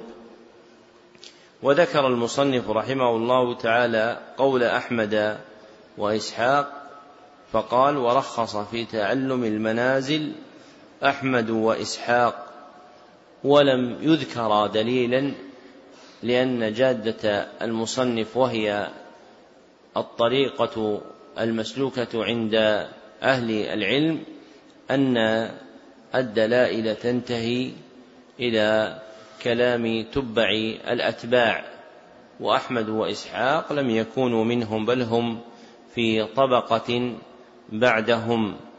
فنقل كلامهم فنقل كلامهما بمنزلة نقل المصنف في مواضع متقدمة كلاما للبغوي ولأبي العباس بن تيمية وابن القيم. يريد بذلك بيان بعض المعاني المنتظمة فيما يريده من الأدلة لا يريد كونها دليلا. نعم. قال رحمه الله تعالى فيه مسائل. الأولى الحكمة في خلق النجوم. الثانية الرد على من زعم غير ذلك. الثالثة ذكر الخلاف في تعلم في تعلم المنازل. قوله رحمه الله الثالثة ذكر الخلاف في تعلم المنازل. أي لإرادة معرفة علم التسيير المتعلق بالأحوال والأهوية فهذا هو الذي اختلف فيه أهل العلم والصحيح جوازه وإنما الممنوع من علم النجوم هو علم التأثير. نعم. الرابعة الوعيد في من صدق بشيء من السحر. ولو عرف أنه باطل. نعم. باب ما جاء في الاستسقاء بالأنواء. مقصود الترجمة بيان حكم الاستسقاء بالأنواء والمراد به هنا نسبة السقيا بنزول المطر إليها. نسبة السقيا بنزول المطر إليها والأنواء هي منازل القمر. إذا سقط واحد منها سمي نوءا فهو نوء باعتبار المسقط للمطلع. نعم. وقول الله تعالى وتجعلون رزقكم أنكم تكذبون وعن أبي مالك الأشعري رضي الله عنه أن رسول الله صلى الله عليه وسلم قال أربع في أمتي من أمر الجاهلية لا يتركونهن الفخر بالأحساب والطعن في الأنساب والإستسقاء بالنجوم والنياحة.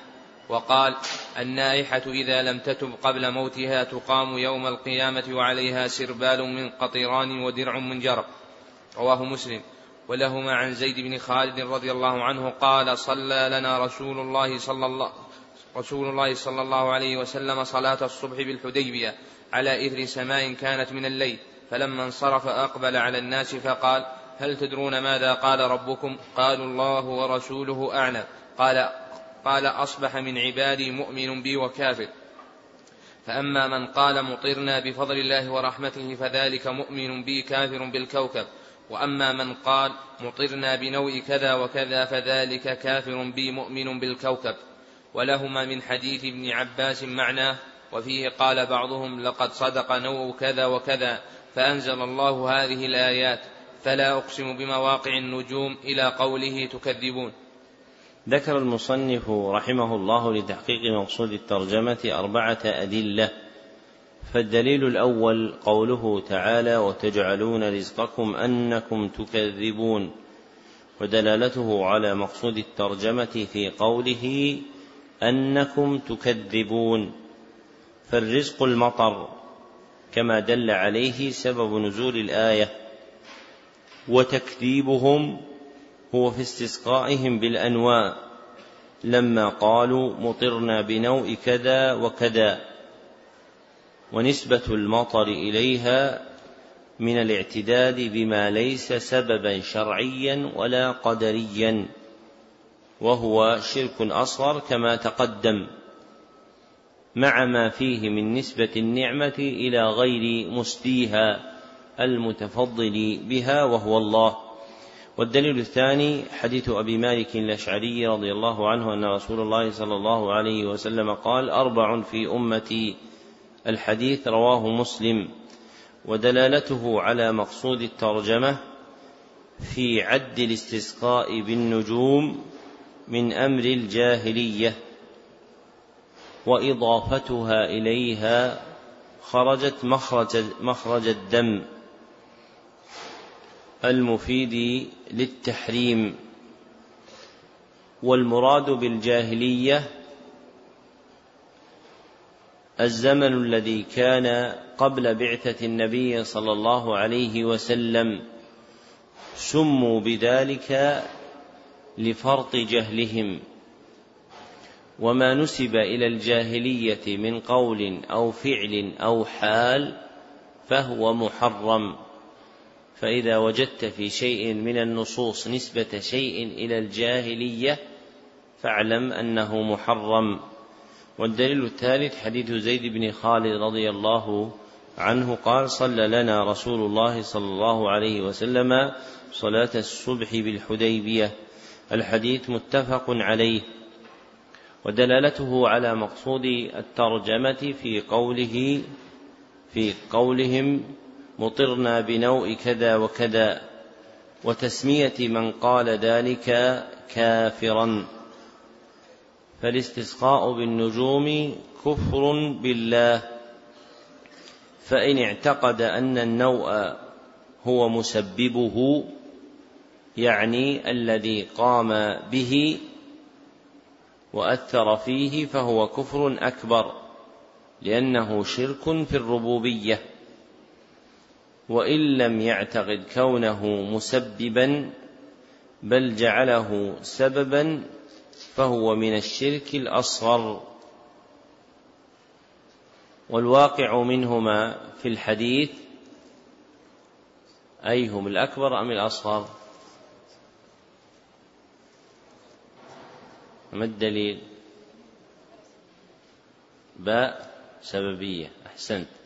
الواقع في الحديث الأصغر لأنهم قالوا مطرنا بنوء كذا وكذا فهم أرادوا كونه سببا لا مسببا مستقلا. ولو أنهم أرادوا كونه مسببا مستقلا لقالوا إيش؟ أمطرنا نوء كذا وكذا. فلما عدلوا عن هذه الجملة إلى سابقتها علم أنهم أرادوا السببية. أشار إلى هذا المعنى حفيد المصنف سليمان بن عبد الله في تيسير العزيز الحميد خلافا لما ذكره كثير من شراح كتاب التوحيد بعده. والدليل الرابع حديث ابن عباس رضي الله عنهما بمعنى حديث زيد وهو عند مسلم وحده دون البخاري ودلالته على مقصود الترجمة كدلالة سابقه فإنه في معناه. نعم. قال رحمه الله تعالى فيه مسائل. الأولى تفسير آية الواقعة. الثانية ذكر الأربع التي من أمر الجاهلية. الثالثة ذكر الكفر في بعضها. الرابعة أن من الكفر ما لا يخرج من الملة. الخامسة قوله أصبح من عبادي مؤمن بي وكافر بسبب نزول النعمة. السادسة التفطن للإيمان في هذا الموضع. السابعة التفطن, التفطن للكفر في هذا الموضع.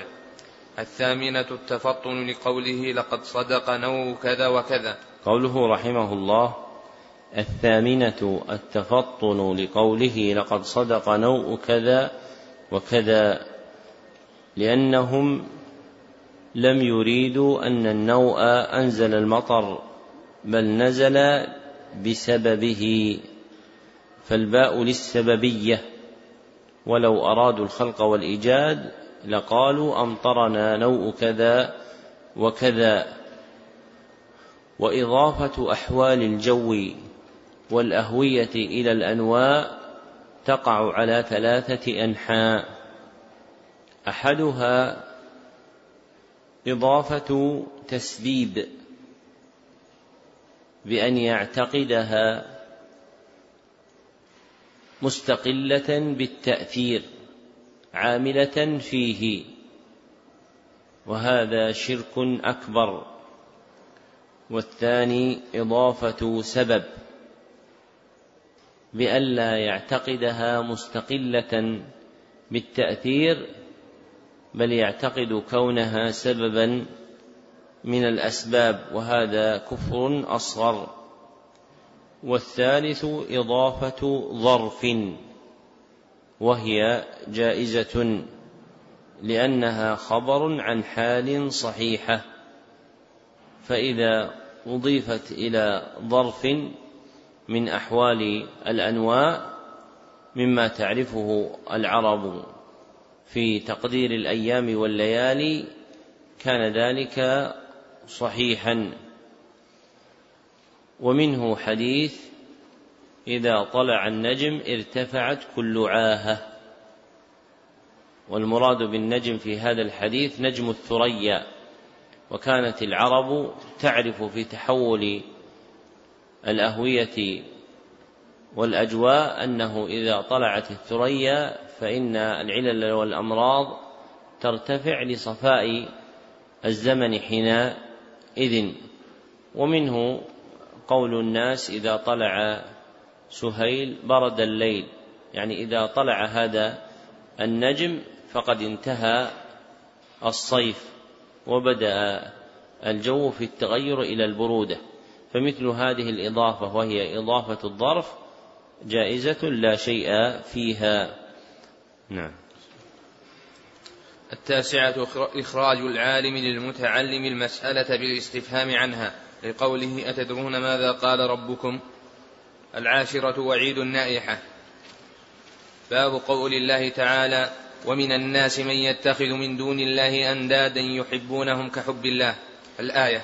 مقصود الترجمة بيان أن محبة الله من عبادته بل هي أصلها. فبكمالها يكمل توحيد العبد وبنقصها ينقص. والمراد بالمحبة هنا المحبة المقتضية لتأليه القلوب لله وتعظيمها له. نعم.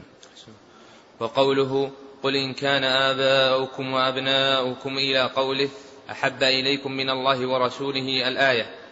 عن أنس أن رسول الله صلى الله عليه وسلم قال لا يؤمن أحدكم حتى أكون أحب إليه من ولده ووالده والناس أجمعين. أخرجاه ولهما عنه قال قال رسول الله صلى الله عليه وسلم ثلاث من كن فيه وجد بهن حلاوة الإيمان أن يكون الله ورسوله أحب إليه مما سواهما وأن يحب المرء لا يحبه إلا لله وأن يكره أن يعود في الكفر بعد إذا انقذه الله منه كما يكره أن يقذف في النار. وفي رواية لا يجد أحد حلاوة الإيمان حتى إلى آخره. وعن ابن عباس رضي الله عنهما قال من أحب في الله وأبغض في الله ووالى في الله وعاد في الله فإنما تنال ولاية الله بذلك ولن يجد عبد طعم الإيمان وإن كثرت صلاته وصومه حتى يكون كذلك. وقد صارت عامة مواخاة الناس على أمر الدنيا وذلك لا يجدي على أهله شيئا. رواه ابن جرير.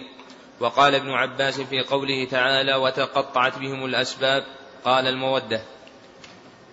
ذكر المصنف رحمه الله لتحقيق مقصود الترجمة ستة أدلة. فالدليل الأول قوله تعالى ومن الناس من يتخذ من دون الله أندادا الآية. ودلالته على مقصود الترجمة من وجهين أحدهما في قوله يحبونهم كحب الله فذكر أن من حال المشركين اتخاذهم آلهة يحبونها كحب الله فيسوونها بالله في المحبة. فمن أحب غير الله محبة تأليه وتعظيم فهو من المشركين. وعمله شرك أكبر فالمحبة القلبية المشتملة على التأليه والتعظيم لا تكون إلا لله ولا تصلح إلا له. والآخر في قوله والذين آمنوا أشد حبا لله فذكر أن المؤمنين يخلصون محبتهم لله فلا يشركون فيها فمدحهم بكمال المحبة والإخلاص فيها. والدليل الثاني قوله تعالى قل إن كان آباؤكم وأبناؤكم الآية. ودلالته على مقصود الترجمة ما فيها من الوعيد في جعل الآباء والأبناء والإخوان والأزواج والعشيرة والأموال والتجارة والمساكن أحب إلى النفوس من الله ورسوله صلى الله عليه وسلم وجهاد في سبيله. فتوعدهم الله بقوله فتربصوا حتى يأتي الله بأمره. أي انتظروا ما يحل بكم من العقاب. فالتربص موضوع في الخطاب الشرعي للدلالة على الوعيد بالعقاب فالتربص موضوع في الخطاب الشرعي للدلالة على الوعيد بالعقاب. فمن أحب هذه الأعراض المذكورة محبة يتأله قلبه بها فليس له إلا العقاب الشديد لأنه أشرك في محبة الله سبحانه وتعالى. وحب الرسول صلى الله عليه وسلم وما أمر الله به من الأعمال مندرج في محبة الله ولذلك ذكر في الآية معه لأنه مما يتأله الله ويعبد به. فحب النبي صلى الله عليه وسلم وحب الجهاد في سبيل الله مندرج في حب الله عز وجل. والدليل الثالث حديث أنس رضي الله عنه أن رسول الله صلى الله عليه وسلم قال لا يؤمن أحدكم حتى أكون أحب إليه. الحديث متفق عليه ودلالته على مقصود الترجمة في نفي الإيمان ولا ينفى الإيمان إلا في ترك واجب. فمحبة الرسول صلى الله عليه وسلم عند العبد يجب أن تكون أحب إليه من محبة غيره من ولده ووالده والناس أجمعين وهي كما تقدم من محبة الله لأن الله أمرنا بها. والدليل الرابع حديث أنس رضي الله عنهما قال ثلاث من كن فيه. الحديث متفق عليه. ودلالته على مقصود الترجمة في تعليق وجدان حلاوة الإيمان بأن يكون الله ورسوله أحب إليه مما سواهما ومحبة الرسول صلى الله عليه وسلم تابعة محبة الله. والدليل الخامس حديث ابن عباس رضي الله عنهما قال من أحب في الله إلى آخره. رواه ابن جرير وإسناده ضعيف. ودلالته على مقصود الترجمة من وجهين. أحدهما في قوله من أحب في الله وأبغض في الله حتى قال فإنما تنال ولاية الله بذلك فعد أعمالا تتحقق بها ولاية الله المتضمنة لمحبته لعبده. ومرد جميع هذه الأعمال إلى محبة الله لأنه هو الذي أمر بها. والآخر في قوله ولن يجد عبد طعم الإيمان وإن كثرت صلاته وصومه حتى يكون كذلك فعلق وجدان طعم الإيمان عليها فهي مما يكمل به الإيمان لتقوية محبة الله عز وجل في القلب والدليل السادس أثر ابن عباس رضي الله عنهما أيضا في تفسير قوله تعالى وتقطعت بهم الأسباب قال المودة رواه ابن جرير بسند صحيح ومعنى تقطعت بهم المودة أي انقطعت المحبة التي كانت بين المتبوعين وأتباعهم ممن كان يزعم أن محبتهم تنفعهم وكانوا يتخذونهم أولياء من دون الله فلم ينتفعوا بهم بل تبرؤوا منهم ففيه إبطال محبة غير الله. لأنها لا تنفع في الآخرة بل لصاحبها عذاب أليم. نعم. قال رحمه الله تعالى فيه مسائل. الأولى تفسير آية البقرة الثانية تفسير تفسير آية براءة الثالثة وجوب محبته صلى الله عليه وسلم على النفس والأهل والمال. قوله رحمه الله الثالثة وجوب محبته صلى الله عليه وسلم على النفس والأهل والمال أي تقديم محبته عليهم. نعم. الرابعة أن نفي الإيمان لا يدل على على الخروج من الإسلام. قوله رحمه الله أن نفي الإيمان لا يدل على الخروج من الإسلام ولكن يدل على وجوب المذكور في المنفي فإن الأخبار الواردة في نفي الإيمان يكون ما بعدها واجبا مأمورا به سواء تعلق بأصل الإيمان أو بكماله. ذكر ذلك أبو العباس بن تيمية الحفيد في كتاب الإيمان وحفيده بالتلمذة أبو الفرج ابن رجب في فتح الباري. نعم. الخامسة أن للإيمان حلاوة قد يجدها الإنسان وقد لا يجدها.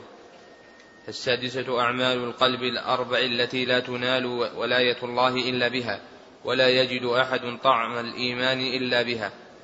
السابعة فهم الصحابي للواقع أن عامة المؤاخاة على أمر الدنيا. الثامنة تفسير وتقطعت بهم الأسباب. التاسعة أن من المشركين من يحب الله حبا شديدا.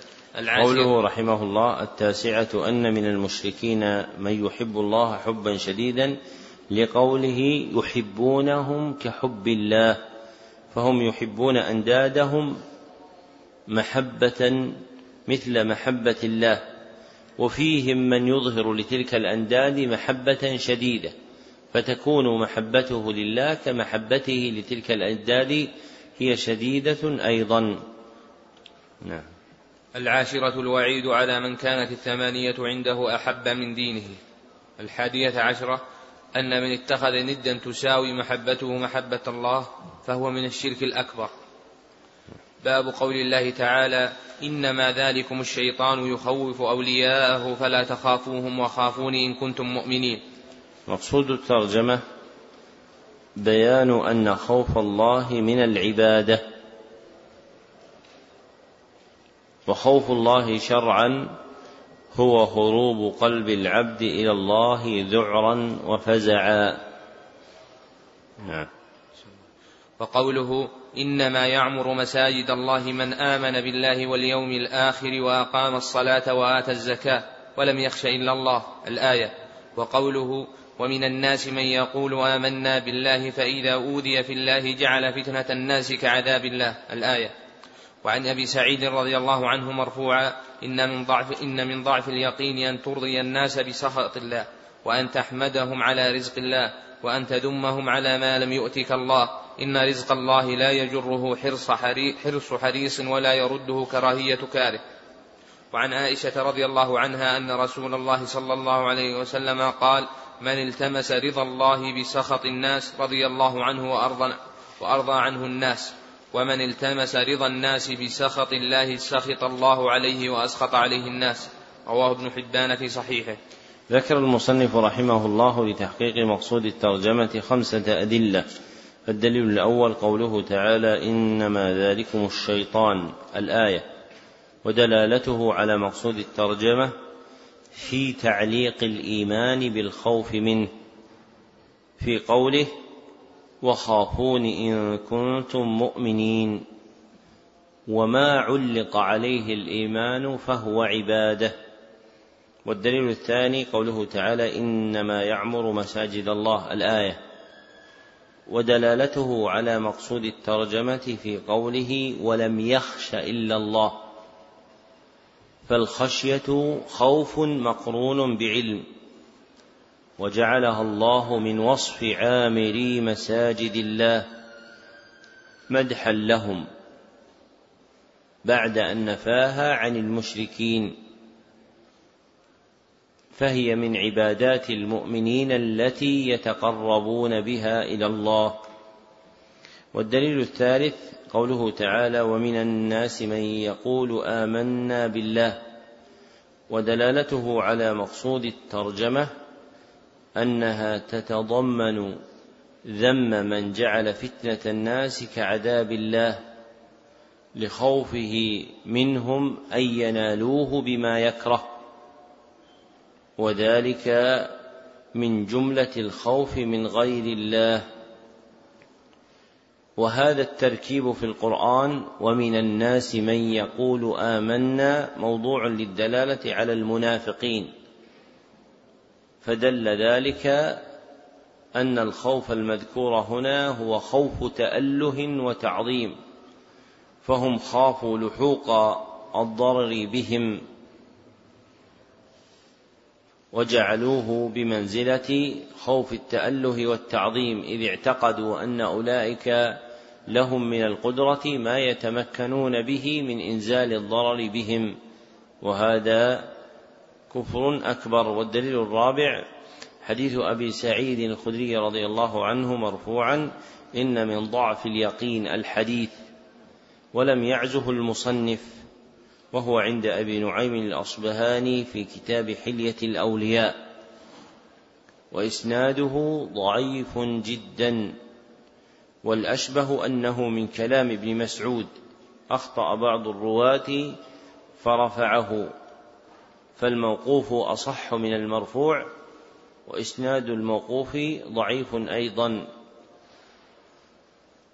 وقوله في الحديث ضعف يجوز فيه الضم والفتح فيقال ضعف وضعف لكن الضم أحسن وأشهر.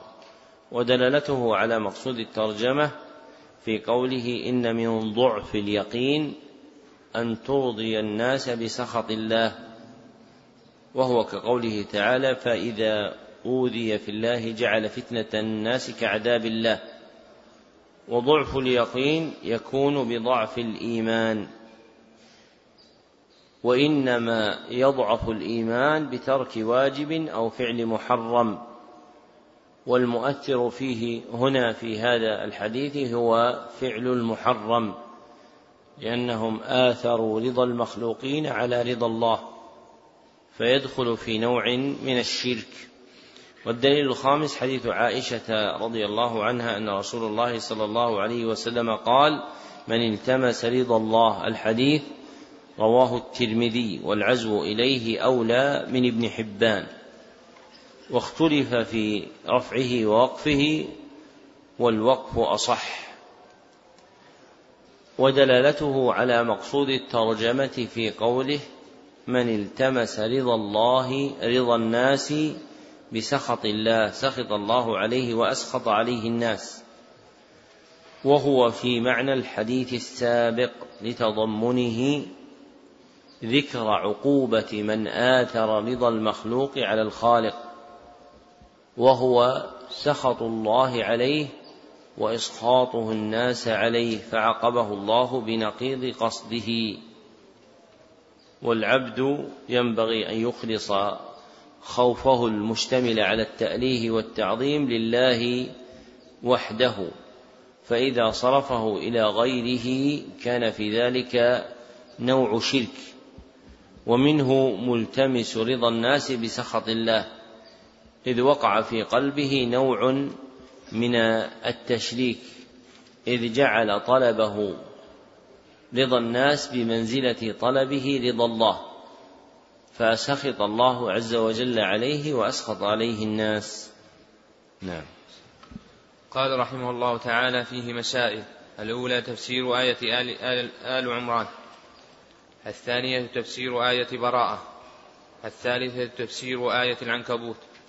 الرابعة أن اليقين يضعف ويقوى الخامسة علامة ضعفه ومن ذلك هذه الثلاث. السادسة أن إخلاص الخوف لله من الفرائض. السابعة ذكر ثواب من فعله. الثامنة ذكر عقاب من تركه. نعم. باب قول الله تعالى وعلى الله فتوكلوا إن كنتم مؤمنين. مقصود الترجمة بيان أن التوكل على الله عبادة والتوكل على الله شرعا هو إظهار العبد عجزه واعتماده على الله. نعم. وقوله إنما المؤمنون الذين إذا ذكر الله وجلت قلوبهم الآية. وقوله يا أيها النبي حسبك الله ومن اتبعك من المؤمنين وقوله ومن يتوكل على الله فهو حسبه. عن ابن عباس رضي الله عنهما قال حسبنا الله ونعم الوكيل. قالها إبراهيم عليه السلام حين ألقي في النار وقالها محمد صلى الله عليه وسلم حين, حين, حين قالوا إن الناس قد جمعوا لكم فاخشوهم فزادهم إيمانا وقالوا حسبنا الله ونعم الوكيل. رواه البخاري. ذكر المصنف رحمه الله لتحقيق مقصود الترجمة خمسة أدلة. فالدليل الأول قوله تعالى وعلى الله فتوكلوا إن كنتم مؤمنين ووجه دلالته على مقصود الترجمة في تعليق الإيمان على التوكل. وما علق عليه الإيمان فهو عبادة فصار التوكل عبادة لله.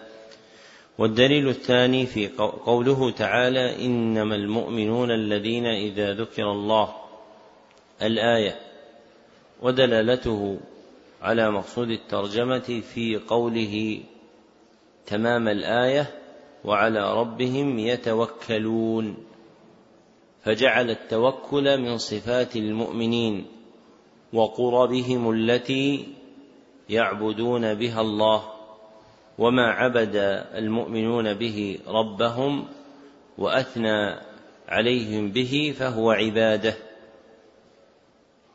والدليل الثالث قوله تعالى يا أيها النبي حسبك الله.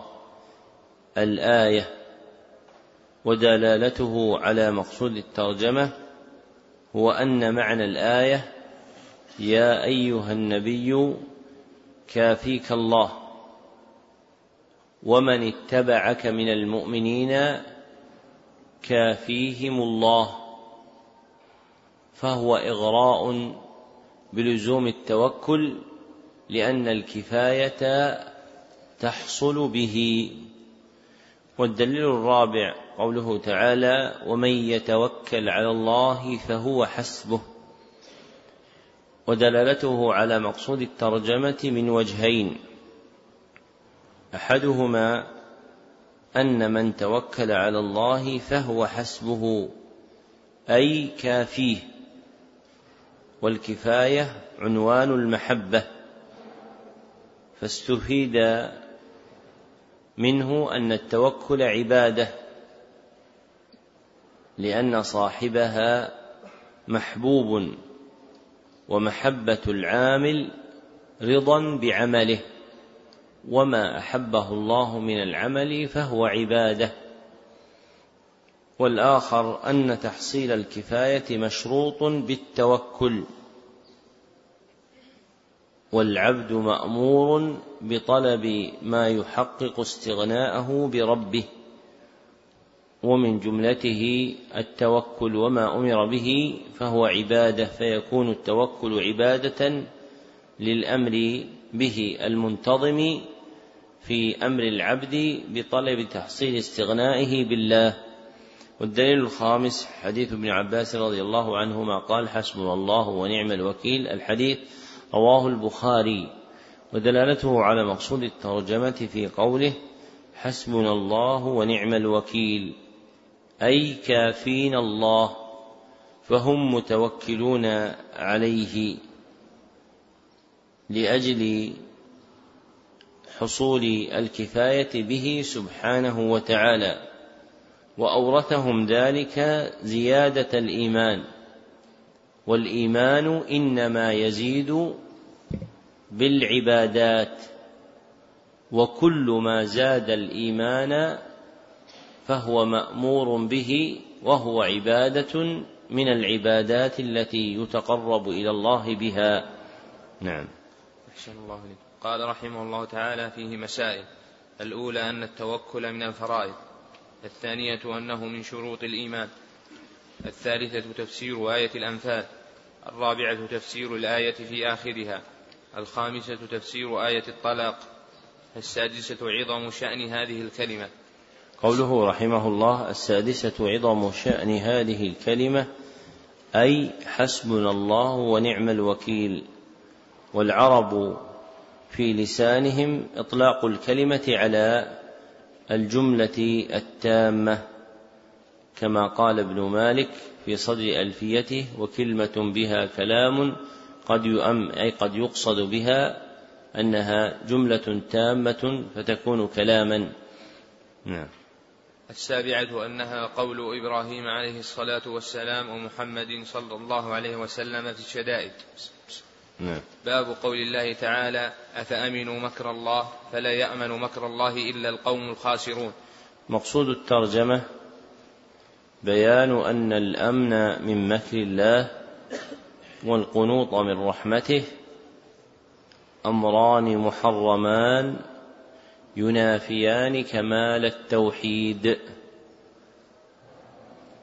والأمن من مكر الله الغفلة عن عقوبته مع الإقامة على موجبها. الغفلة عن عقوبته مع الإقامة على موجبها وهو المحرمات. والقنوط من رحمة الله هو استبعاد الفوز بها في حق العاصي. هو استبعاد الفوز بها في حق العاصي. نعم. وقوله قال ومن يقنط من رحمة ربه إلا الضالون. وعن ابن عباس رضي الله عنهما أن رسول الله صلى الله عليه وسلم سئل عن الكبائر فقال الشرك بالله واليأس من روح الله والأمن من مكر الله. وعن ابن مسعود رضي الله عنه قال أكبر الكبائر الإشراك بالله والأمن من مكر الله والقنوط من رحمة الله واليأس من روح الله. رواه عبد الرزاق. ذكر المصنف رحمه الله لتحقيق مقصود الترجمة أربعة أدلة. فالدليل الأول قوله تعالى أفأمنوا مكر الله؟ الآية ودلالته على مقصود الترجمة من وجهين. أحدهما في قوله أفأمنوا مكر الله؟ لأنه استفهام استنكاري. يتضمن ذمهم على ما اقترفوه. والذم دليل التحريم وأن ذلك مناف لما ينبغي من إجلال الله وإعظامه. والآخر في قوله إلا القوم الخاسرون لأنه جعله سببا في خسرانهم. وما أنتج خسرا فهو محرم مباين لتعظيم الله وإجلاله. والدليل الثاني قوله تعالى ومن يقنط من رحمة ربه. الآية ودلالته على مقصود الترجمة في قوله إلا الضالون لأنه جعله سببا لضلالهم. وما أنتج ضلالا فهو محرم يضعف توقير الله وإعظامه في القلوب. والدليل الثالث حديث ابن عباس رضي الله عنهما أن رسول الله صلى الله عليه وسلم سئل عن الكبائر الحديث ولم يعزه المصنف وهو عند البزار في مسنده والطبراني في المعجم الكبير بسند حسن ودلالته على مقصود الترجمة في قوله واليأس من روح الله والأمن من مكر الله لأنه عدهما في الكبائر. واليأس من روح الله من أفراد القنوط. فإن اليأس من روح الله هو استبعاد فرجه عند نزول المصائب. هو استبعاد فرجه عند نزول المصائب. والدليل الرابع حديث ابن مسعود رضي الله عنه قال أكبر الكبائر الإشراك بالله الحديث رواه عبد الرزاق وإسناده صحيح ودلالته على مقصود الترجمة في قوله والأمن من مكر الله والقنوط من رحمة الله واليأس من روح الله ودلالته كسابقه في عدهن من الكبائر لكن ينبغي أن تعلم أن بين رحمة الله وروحه فرقا. فإن الروح هو الفرج ففيه معنى آخر غير معنى الرحمة إذ يختص بوروده في الخطوب والمصائب. ولأجل هذا قرن الفرج عند العلماء بالشدة فقالوا الفرج في الشدة. لأن روح الله تختص بهذه الحال أي إذا وردت الشدائد. وتقدم من قبل أن صفات الله عز وجل وأسمائه لا تقع إحداهما بمعنى الأخرى على وجه الترادف المطلق بل لا بد أن يكون في كل واحدة منهما معنى آخر غير معنى تلك الصفة. وحينئذ فلا يكون روح الله هو رحمته كما فسره بعض أهل العلم بل روح الله هو فرجه. نعم. قال رحمه الله تعالى فيه مسائل. الأولى تفسير آية الأعراف الثانية تفسير آية الحجر الثالثة شدة الوعيد في من أمن مكر الله الرابعة شدة الوعيد في القنوط. باب من الإيمان بالله الصبر على أقدار الله. مقصود الترجمة بيان أن الصبر على أقدار الله من الإيمان به. والمراد بالأقدار هنا الأقدار المؤلمة لا الأقدار الملائمة لأن القدر الملائم الموافق ميل النفس لا يفتقر إلى صبر كالمطعم والمشرب وغيرهما. والصبر على أقدار الله من كمال التوحيد الواجب. وضده من السخط والجزع محرم ينافي كمال التوحيد وينقص تمام العبودية لله. نعم. وقول الله تعالى ومن يؤمن بالله يهدي قلبه قال علقمة هو الرجل تصيبه المصيبة فيعلم أنها من عند الله فيرضى ويسلم. وفي صحيح مسلم عن أبي هريرة رضي الله عنه أن رسول الله صلى الله عليه وسلم قال اثنتان في الناس هما بهم كفر الطعن في النسب والنياحة على الميت. ولهما عن ابن مسعود مرفوعا ليس منا من ضرب الخدود وشق الجيوب ودعا بدعوى الجاهلية. وعن أنس رضي الله عنه أن رسول الله صلى الله عليه وسلم قال إذا أراد الله بعبده الخير عجل له العقوبة في الدنيا وإذا أراد بعبده الشر أمسك عنه بذنبه حتى يوافي به يوم القيامة. وقال النبي صلى الله عليه وسلم إن عظم الجزاء مع عظم البلاء وإن الله تعالى إذا أحب قوما ابتلاهم فمن رضي فله الرضا ومن سخط فله السخط. حسنه الترمذي. ذكر المصنف رحمه الله لتحقيق مقصود الترجمة خمسة أدلة فالدليل الأول قوله تعالى ومن يؤمن بالله يهدي قلبه ودلالته على مقصود الترجمة في كون العبد المصاب جعل صبره على المصيبة الواقعة بقدر الله عبادة يتعبد الله بها فهدى الله قلبه ووفقه لتسليم أمره له وعد ذلك من الإيمان فهو من كمال توحيده. والدليل الثالث الثاني حديث أبي هريرة رضي الله عنه أن رسول الله صلى الله عليه وسلم قال إثنتان في الناس هما بهم كفر. الحديث رواه مسلم.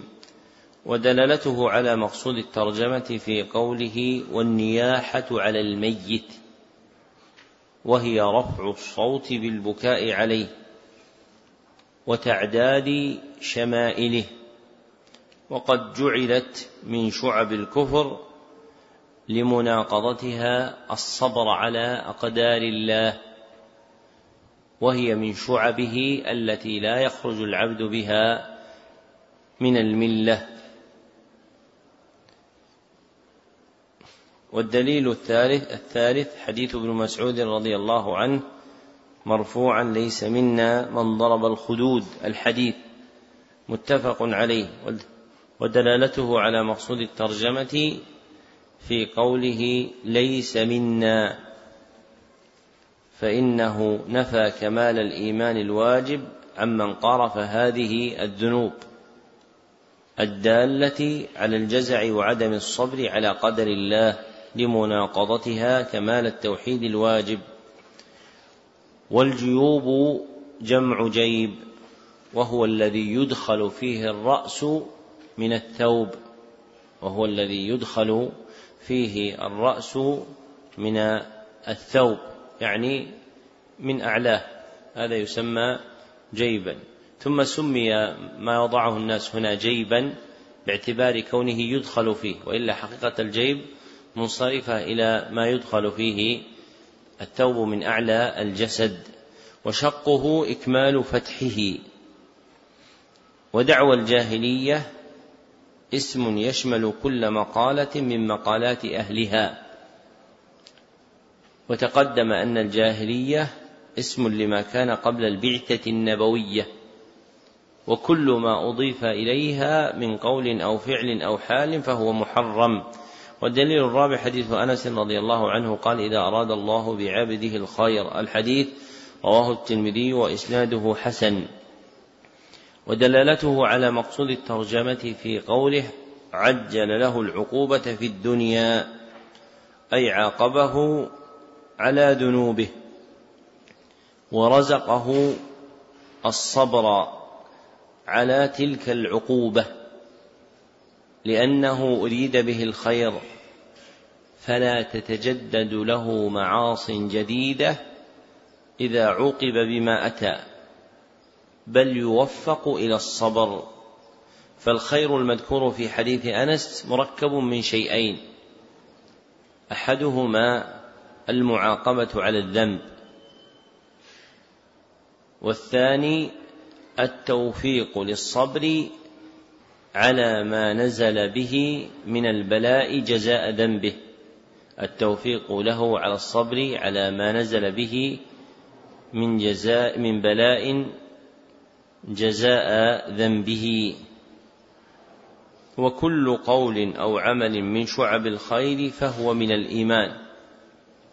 فيكون الصبر على قدر الله حينئذ من الإيمان بالله كما ترجم له المصنف رحمه الله.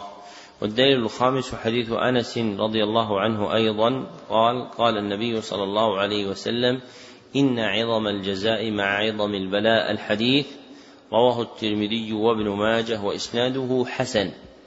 ودلالته على مقصود الترجمة من وجهين. أحدهما في قوله فمن رضي فله الرضا. فالرضا حظ من رضي بما كتب عليه من البلاء. فالرضا حظ من رضي بما كتب عليه من البلاء.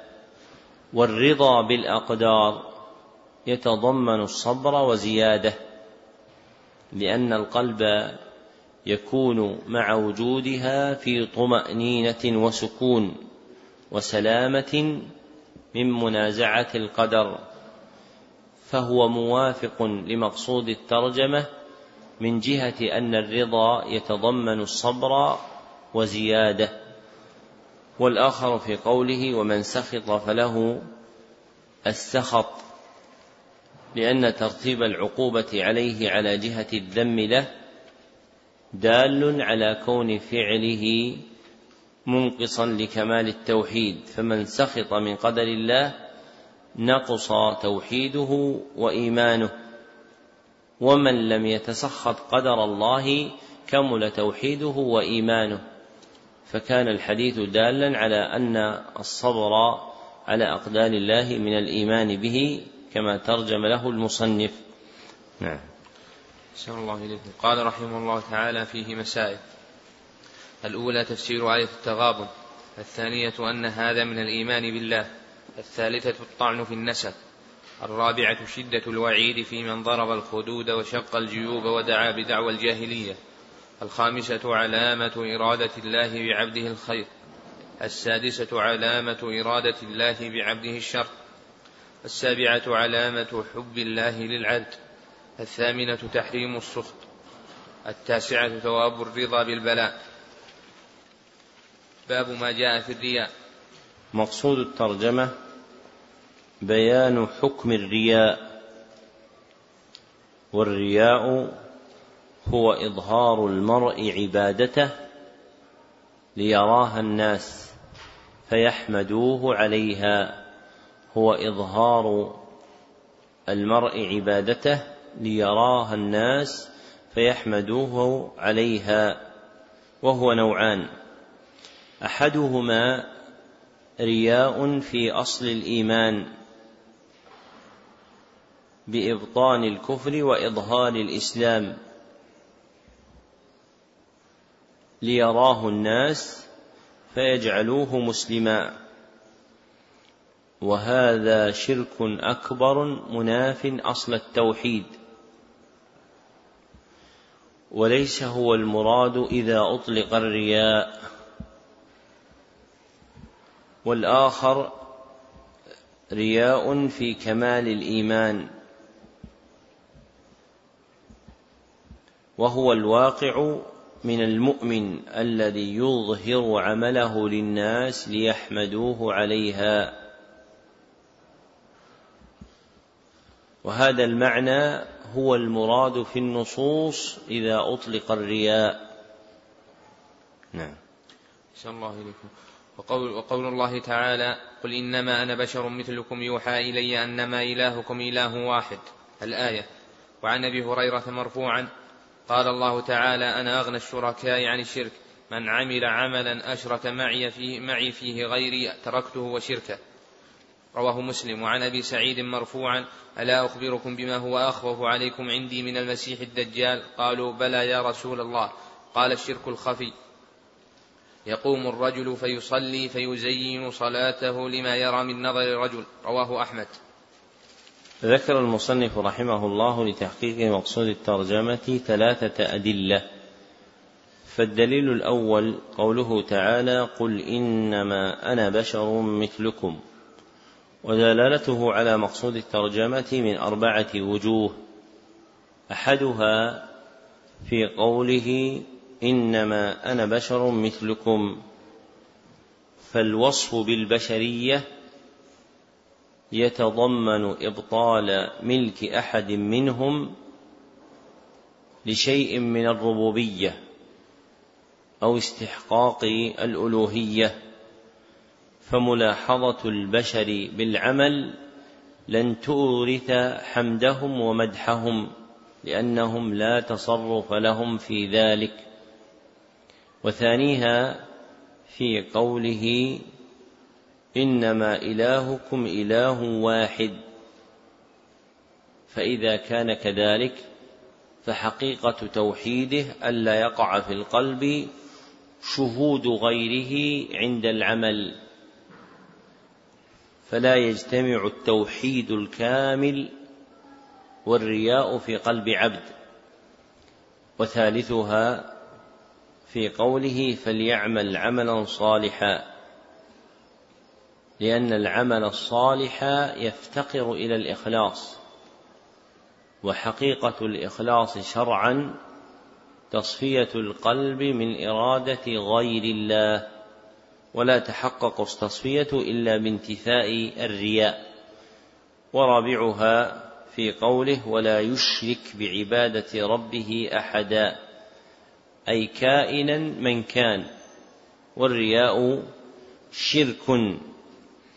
وهذه الآية هي الآية التي تجتث عروق الرياء من القلب لما تضمنته من الوجوه الأربعة المبطلة له. والدليل الثاني حديث أبي هريرة رضي الله عنه مرفوعا قال قال الله أنا أغنى الشركاء عن الشرك. الحديث رواه مسلم.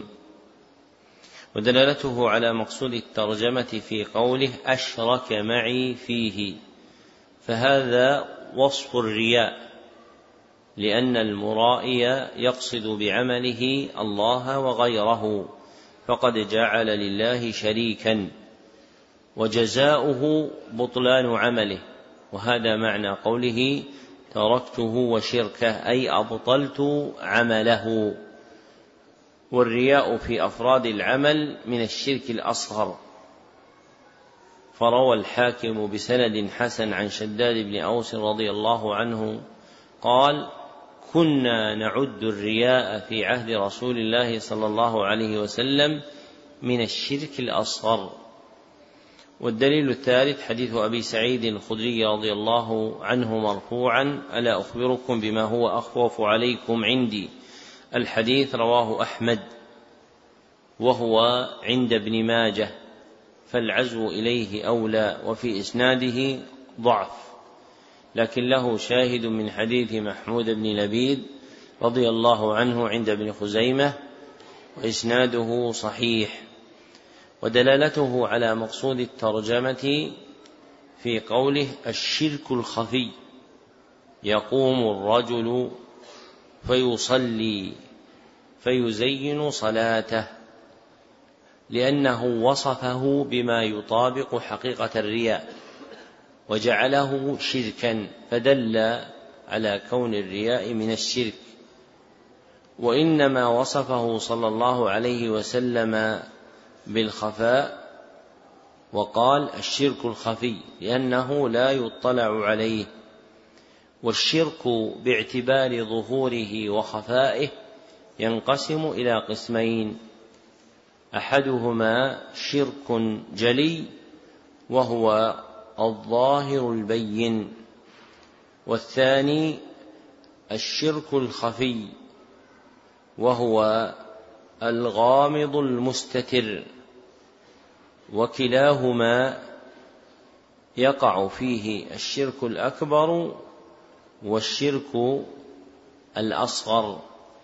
فلا يختص الشرك الخفي بالأصغر بل ربما كان الشرك خفيا ويكون أكبر. مثل إيش؟ ما الجواب؟ شرك خفي ويكون أكبر. أحسنت. مثل الخوف من غير الله. الخوف من غير الله. عمل قلبي باطن أم عمل ظاهر على الجوارح؟ عمل باطن فيكون شركا خفيا. فالخفاء لا يختص بالأصغر بل يكون في الأصغر والأكبر. طيب ما وجه أن بعض أهل العلم يقول أحيانا الشرك الخفي وهو الشرك الأصغر؟ كيف نعتذر عنه؟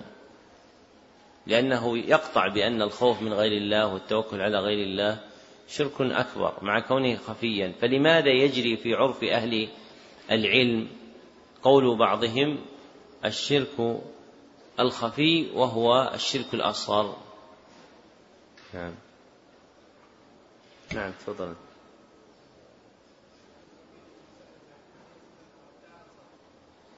طيب لماذا يقول بعض أهل العلم وهو الشرك الأصغر؟ محمد. مجاراة للفظ الحديث. طيب لماذا وقعت هذه المجاراة؟ أحسنت. لأن الغالب من الشرك الخفي في الأمة هو الشرك الأصغر.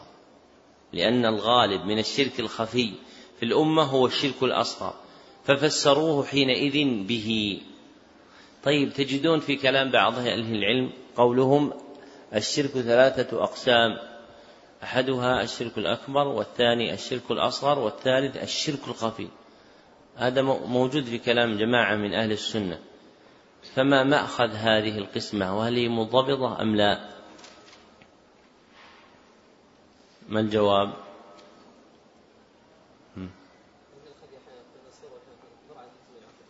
إذا إذا هل هذا القسمة منضبطة وما وجهها؟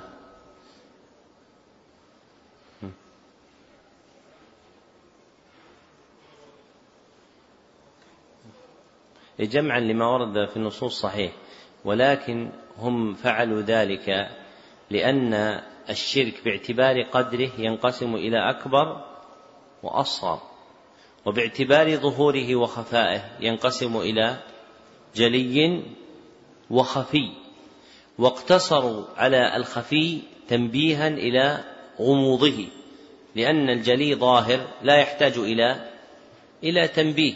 وإنما الذي يغمض هو الذي يحتاج إلى تنبيه. والأكمل في القسمة أن يفرق بينها باختلاف الاعتبار والمتعلق.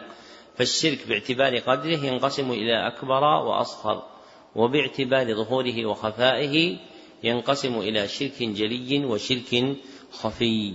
نعم. قال رحمه الله تعالى فيه مسائل. الأولى تفسير آية الكهف. الثانية هذا الأمر العظيم العظيم في رد العمل الصالح إذا دخله شيء لغير الله.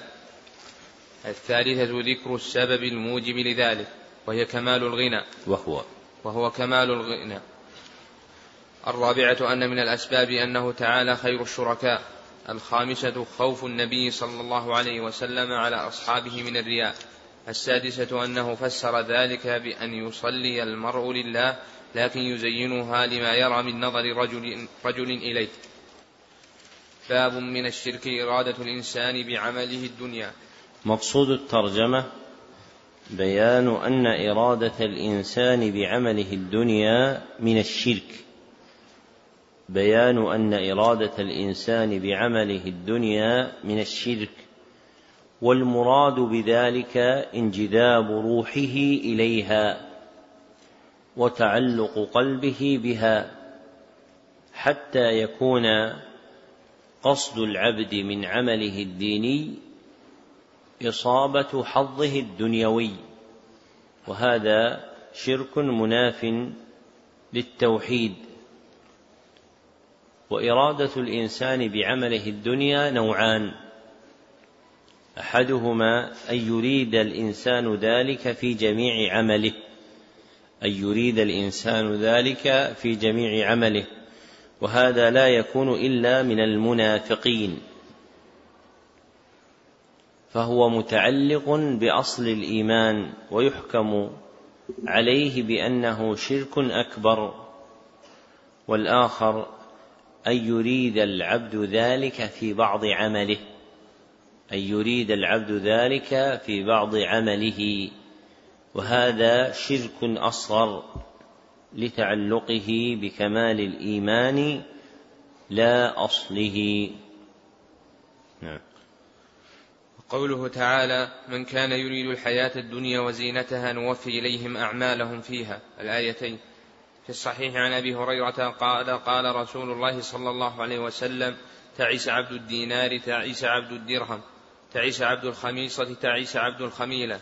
إن أعطي رضي وإن, رضي وإن لم يعط سخط تعس وانتكس وإذا شيك فلا انتقش طوبى لعبد آخر بعنان فرسه في سبيل الله. أشعث رأسه مغبرة قدماه. إن كان في الحراسة كان في الحراسة. وإن كان في الساقة كان في الساقة. إن استأذن لم يؤذن له. وإن شفع لم يشفع.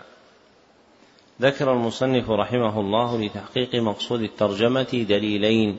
فالدليل الأول قوله تعالى من كان يريد الحياة الدنيا وزينتها الآية ودلالته على مقصود الترجمة في قوله نوفي إليهم أعمالهم فيها وهم فيها لا يبخسون أي لا يظلمون بإنقاصهم حقهم فجعل جزاءهم توفير ثواب أعمالهم في الدنيا.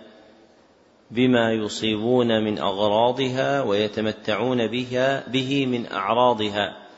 ثم توعدهم بجزاء الآخرة فقال أولئك الذين ليس لهم في الآخرة إلا النار وحبط ما صنعوا وباطل ما كانوا يعملون.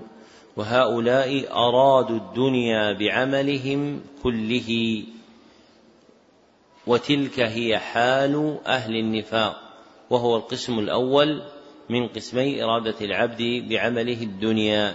والدليل الثاني حديث أبي هريرة رضي الله عنه أن رسول الله صلى الله عليه وسلم قال تعس عبد الدينار الحديث أخرجه البخاري بنحوه قريبا من لفظه مختصرا ودلالته على مقصود الترجمة في قوله تعس عبد الدينار إلى قوله وإذا شيك فلا انتقش وذلك من وجهين.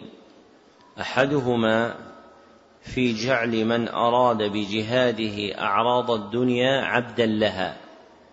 في جعل من أراد بجهاده الدنيا عبدا لها فهو عبد الدينار وعبد الدرهم وعبد الخميصة وعبد الخميلة.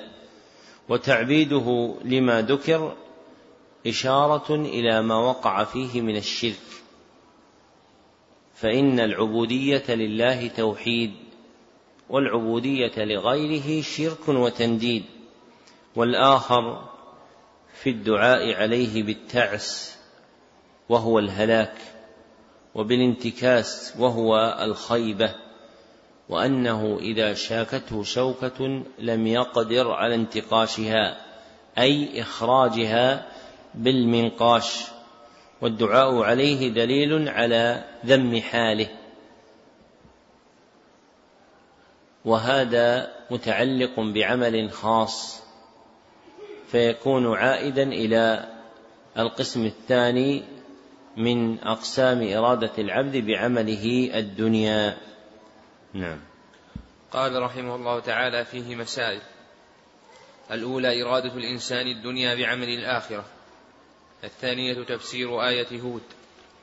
الثالثة تسمية الإنسان المسلم عبد الدينار والدرهم والخميصة. الرابعة تفسير ذلك بأنه إن أعطي رضي وإن لم يعط سخط. الخامسة قوله تعس وانتكس.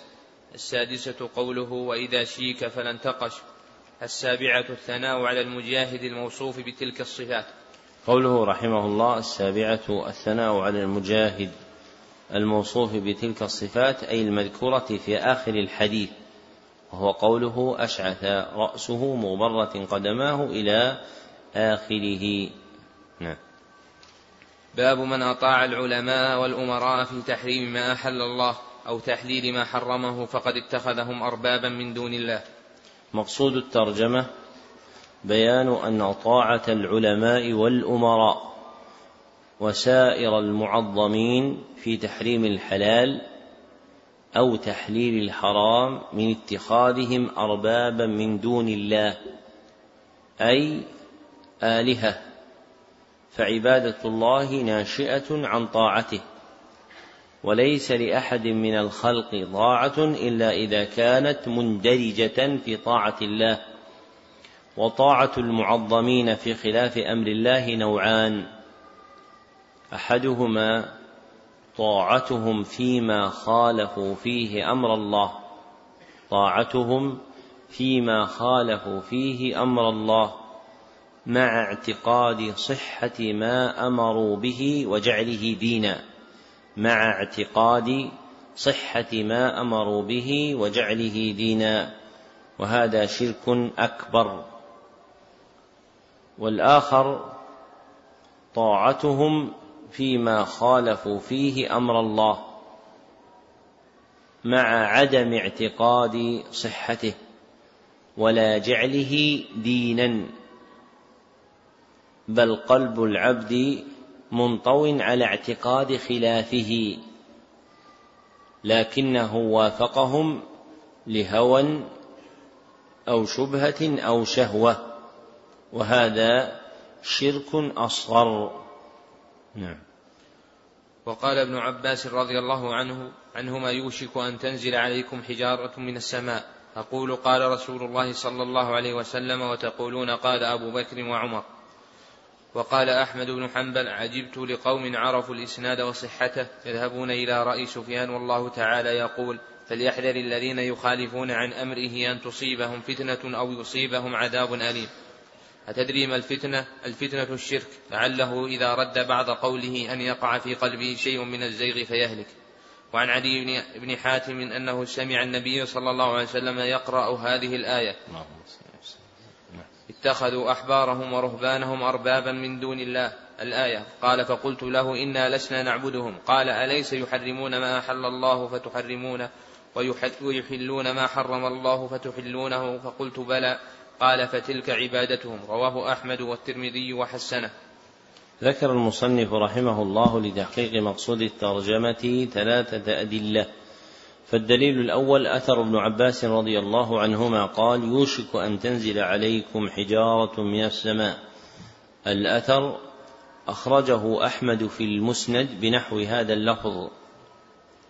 وعزاه إليه أبو العباس بن تيمية الحفيد بهذا اللفظ وساق إسناده وليس موجودا في النسخة التي بأيدينا من المسند والظاهر أنه بهذا اللفظ في كتاب آخر للإمام أحمد هو كتاب طاعة الرسول صلى الله عليه وسلم وإسناده صحيح ودلالته على مقصود الترجمة في قوله أن تنزل عليكم حجارة من السماء أي عذابا لكم جزاء معارضة قول رسول الله صلى الله عليه وسلم بقول أبي بكر وعمر رضي الله عنهما وتقديم طاعتهما على طاعته.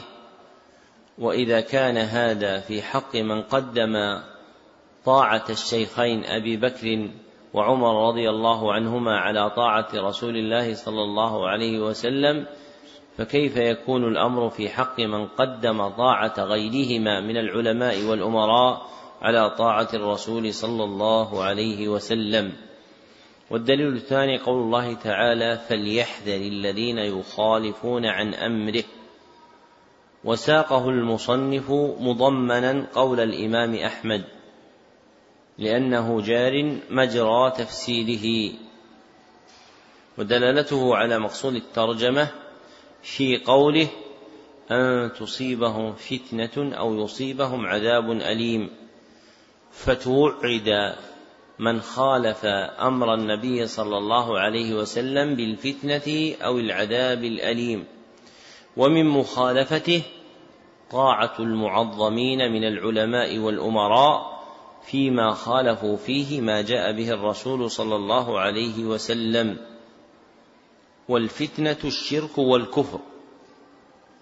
فمخالفته صلى الله عليه وسلم تفضي إلى الكفر إذا اقترن بالمخالفة ما يناقض أصل طاعته كاعتقاد صحة طاعة غيره على خلاف أمره وتفضي إلى العذاب الأليم إذا لم تناقض أصلها فتكون مجرد معصية. والدليل الثالث حديث عدي بن حاتم رضي الله عنه أنه سمع النبي صلى الله عليه وسلم يقرأ هذه الآية اتخذوا أحبارهم ورهبانهم أربابا من دون الله. الحديث رواه الترمذي وإسناده ضعيف وله شواهد يحتمل التحسين بها. وقد حسنه أبو العباس بن تيمية في كتاب الإيمان. ودلالته على مقصود الترجمة في قوله أليس يحرمون ما أحل الله؟ فتحرمونه ويحلون ما حرم الله فتحلونه. مع قوله فتلك عبادتهم فجعل طاعتهم في تحليل الحرام وتحريم الحلال عبادة لهم لأنه من شرك الطاعة. وقد يكون أكبر أو أصغر على ما تقدم. فإذا اعتقد صحة ما ادعوه وجعله دينا فهذا شرك أكبر. وإن لم يجعله كذلك بل اعتقد خلاف ما دعوه إليه لكنه وافقهم لمقصد له من شبهة أو شهوة فإنه شرك أصغر. نعم. قال رحمه الله تعالى فيه مسائل. الأولى تفسير آية النور الثانية تفسيرة آية براءة. الثالثة التنبيه على معنى العبادة التي أنكرها عدي. الرابعة تمثيل ابن عباس بأبي بكر وعمر وتمثيل أحمد بسفيان. الخامسة تغير الأحوال إلى هذه الغاية حتى صار عند الأكثر عبادة الرهبان هي أفضل الأعمال. هي أفضل الأعمال وتسميتها, وتسميتها ولاية وعبادة الأحبار هي العلم والفقه. ثم تغيرت الحال إلى أن عبد من من ليس من الصالحين وعبد بالمعنى الثاني من هو من الجاهلين. قوله رحمه الله الخامسة تغير الأحوال إلى هذه الغاية أي في الأزمنة المتأخرة. وقوله حتى صار عند الأكثر عبادة الرهبان هي أفضل الأعمال أراد ما يعتقده كثير من الناس في من ينسب إلى العلم والعبادة من الضر والنفع. مما سموه سرا وولاية. وقوله وعبادة الأحبار هي العلم والفقه أراد ما يعتقده كثير من الناس في من ينسب إلى العلم والفقه من وجوب تقليده وحرمة الخروج عليه أبدا. وقوله ثم تغيرت الحال إلى أن عبد من دون الله من ليس من الصالحين أي اعتقد في الفساق والأشجار والأحجار. وقوله وعبد بالمعنى الثاني من هو من الجاهلين أي قلد الجهلة العارون عن العلم. فصار الأمر بأخرة أشد مما كان عليه قبل ولا يزال هذا البلاء في تزايد ولا سيما في الأمر الثاني. باب قول الله تعالى ألم تر إلى الذين يزعمون أنهم آمنوا بما أنزل إليك وما أنزل من قبلك يريدون أن يتحاكموا إلى الطاغوت وقد أمروا أن يكفروا به ويريد الشيطان أن يضلهم ضلالا بعيدا. الآيات. مقصود الترجمة بيان أن التحاكم إلى غير الشرع يناقض التوحيد لأن التوحيد يتضمن ويستلزم رد الحكم إلى الله وإلى رسوله صلى الله عليه وسلم في موارد النزاع والخروج عن ذلك من شرك الطاعة وله حالان. إحداهما أن ينطوي قلب العبد على الرضا بالتحاكم إلى غير الشرع. أن ينطوي قلب العبد على الرضا بالتحاكم إلى غير الشرع. وقبوله ومحبته وهذا شرك أكبر. والأخرى ألا يرضاه العبد ولا يحبه وإنما أجاب إليه لأجل الدنيا أو لعروض شبهة أو موافقة في شهوة وهذا شرك أصغر. نعم. وقوله وإذا قيل لهم لا تفسدوا في الأرض قالوا إنما نحن مصلحون. وقوله ولا تفسدوا في الأرض بعد إصلاحها.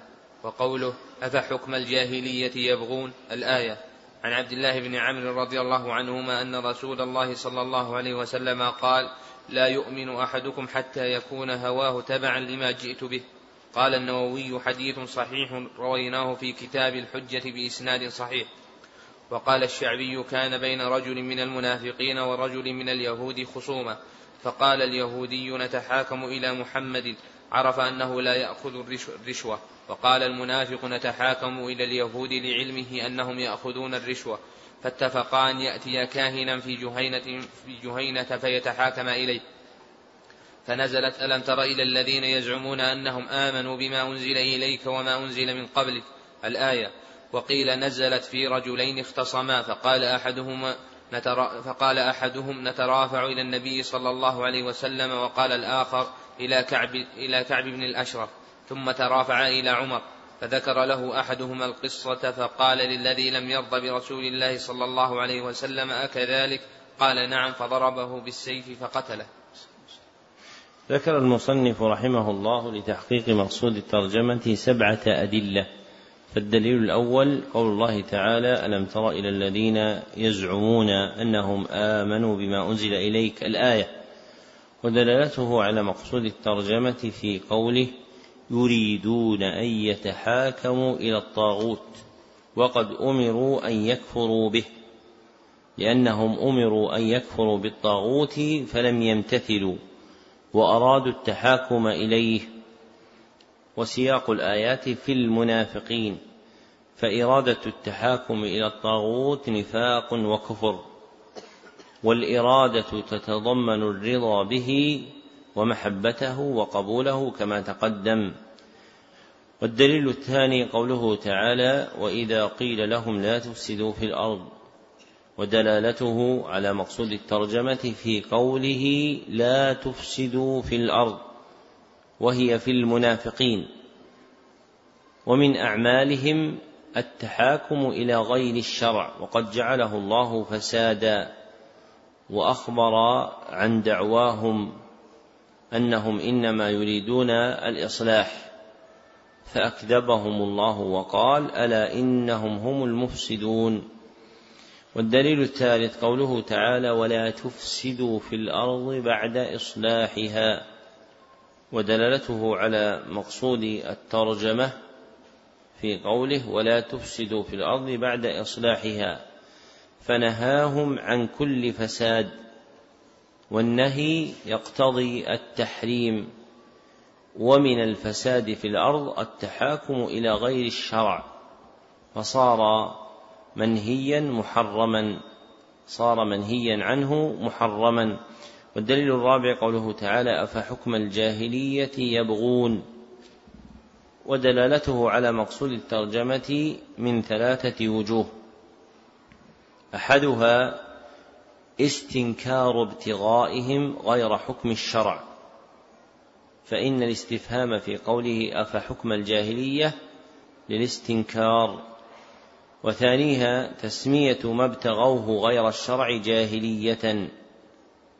تسمية ما ابتغوه غير الشرع جاهلية وهي كما عرفت اسم لما كان عليه الخلق قبل البعثة النبوية وكل ما أضيف إليها فهو محرم. وثالثها في قوله ومن أحسن من الله حكما لقوم يوقنون فأخبر أنه لا أحد أحسن من الله حكما لمن لمن أيقن أن الله أحكم الحاكمين. وأحسن هنا ليست على بابها في أفعل التفضيل. فإن الله عز وجل لا يشاركه أحد في الحكم. كما قال تعالى إن الحكم إلا لله. والدليل الخامس حديث ابن عمرو رضي الله عنهما أن رسول الله صلى الله عليه وسلم قال لا يؤمن أحدكم الحديث. وعزاه المصنف تبعا للنووي إلى كتاب الحجة لأبي نصر المقدسي وهو عند من هو أشهر منه كابن أبي عاصم في كتاب السنة والبغوي في شرح السنة وإسناده ضعيف ودلالته على مقصود الترجمة في قوله لا يؤمن أحدكم.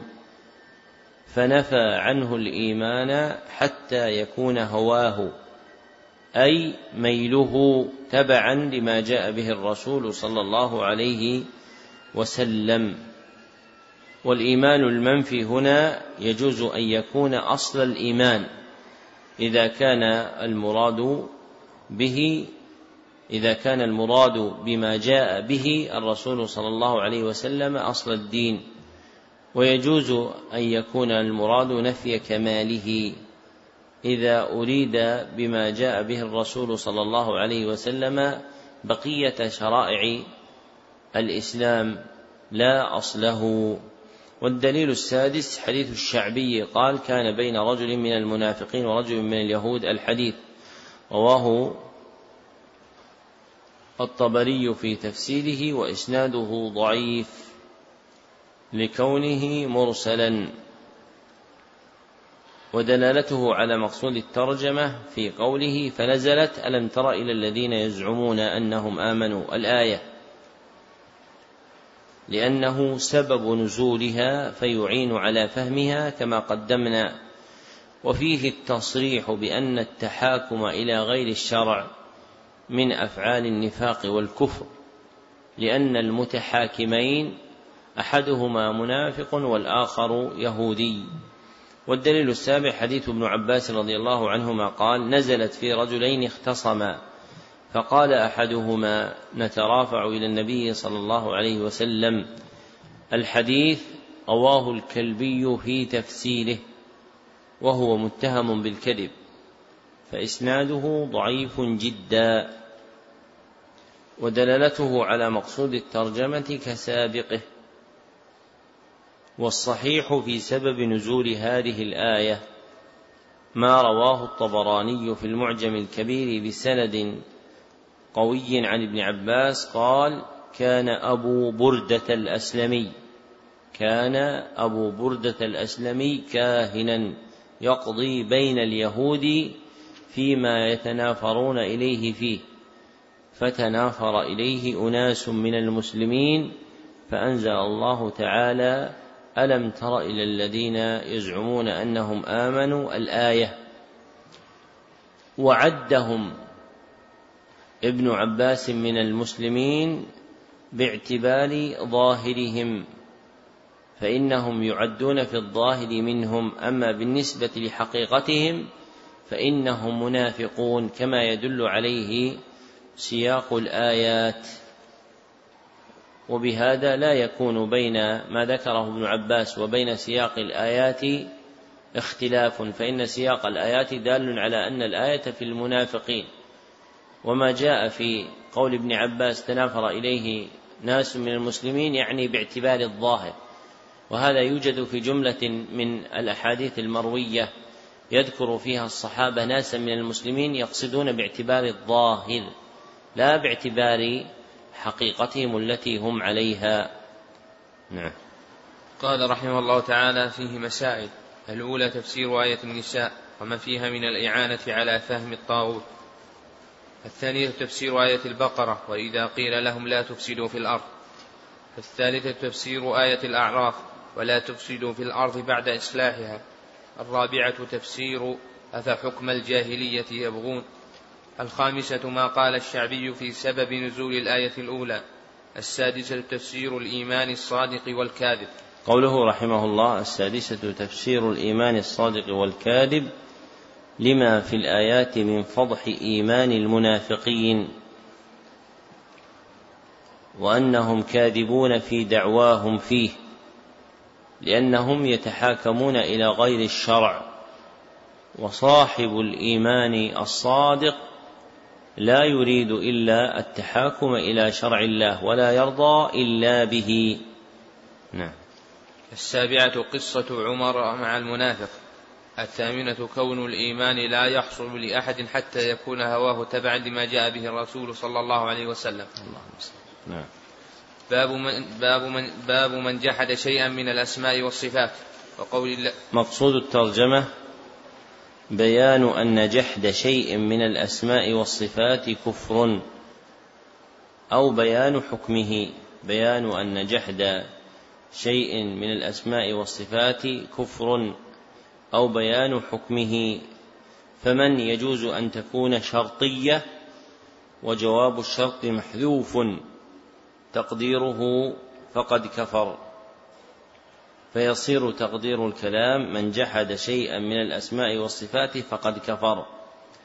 ويجوز أن تكون موصولة بمعنى الذي أي الذي جحد شيئا من الأسماء والصفات. والمعنى بيان حكم الذي جحد شيئا من الأسماء والصفات. والمراد بهما أسماء الله وصفاته. فهما المرادان عند الإطلاق فتكون ال فيهما عهدية دالة على تعلق ما ذكر بالله وحده. والاسم الإلهي هو ما دل على الذات مع كمال تتصف به. ما دل على الذات مع كمال تتصف به. والصفة الإلهية هي ما دل على كمال يتعلق بالله. هي ما دل على كمال يتعلق بالله. وجحد الأسماء والصفات نوعان. أحدهما جحد إنكار. بنفي ما أثبته الله لنفسه أو أثبته له رسوله صلى الله عليه وسلم. وهذا كفر أكبر. والآخر جحد تأويل وهو ما كان الحامل عليه التأويل لا الانكار وهذا كفر أصغر لأن صاحبه له شبهة من أثر أو نظر أو لغة تستدعي أن يكون تأويله محتملا. لقل لقلة لقوة العارض له. ومحل هذا النوع ما كان فيه المأخذ قويا. أما ما ضعف فيه المأخذ فإنه يلحق بجحد الإنكار. كقول من قال من الفلاسفة وأتباعهم في قول الله تعالى بل يداه مبسوطتان يعني السماوات والأرض. فمثل هذا هو في الحقيقة جحد إنكار لا جحد تأويل لضعف المأخذ المتعلق به في تفسيره بالمعنى الذي ذكروه. نعم. وقول الله تعالى وهم يكفرون بالرحمن الآية. وفي صحيح البخاري قال علي حدث الناس بما يعرفون تريدون أن يكذب الله ورسوله.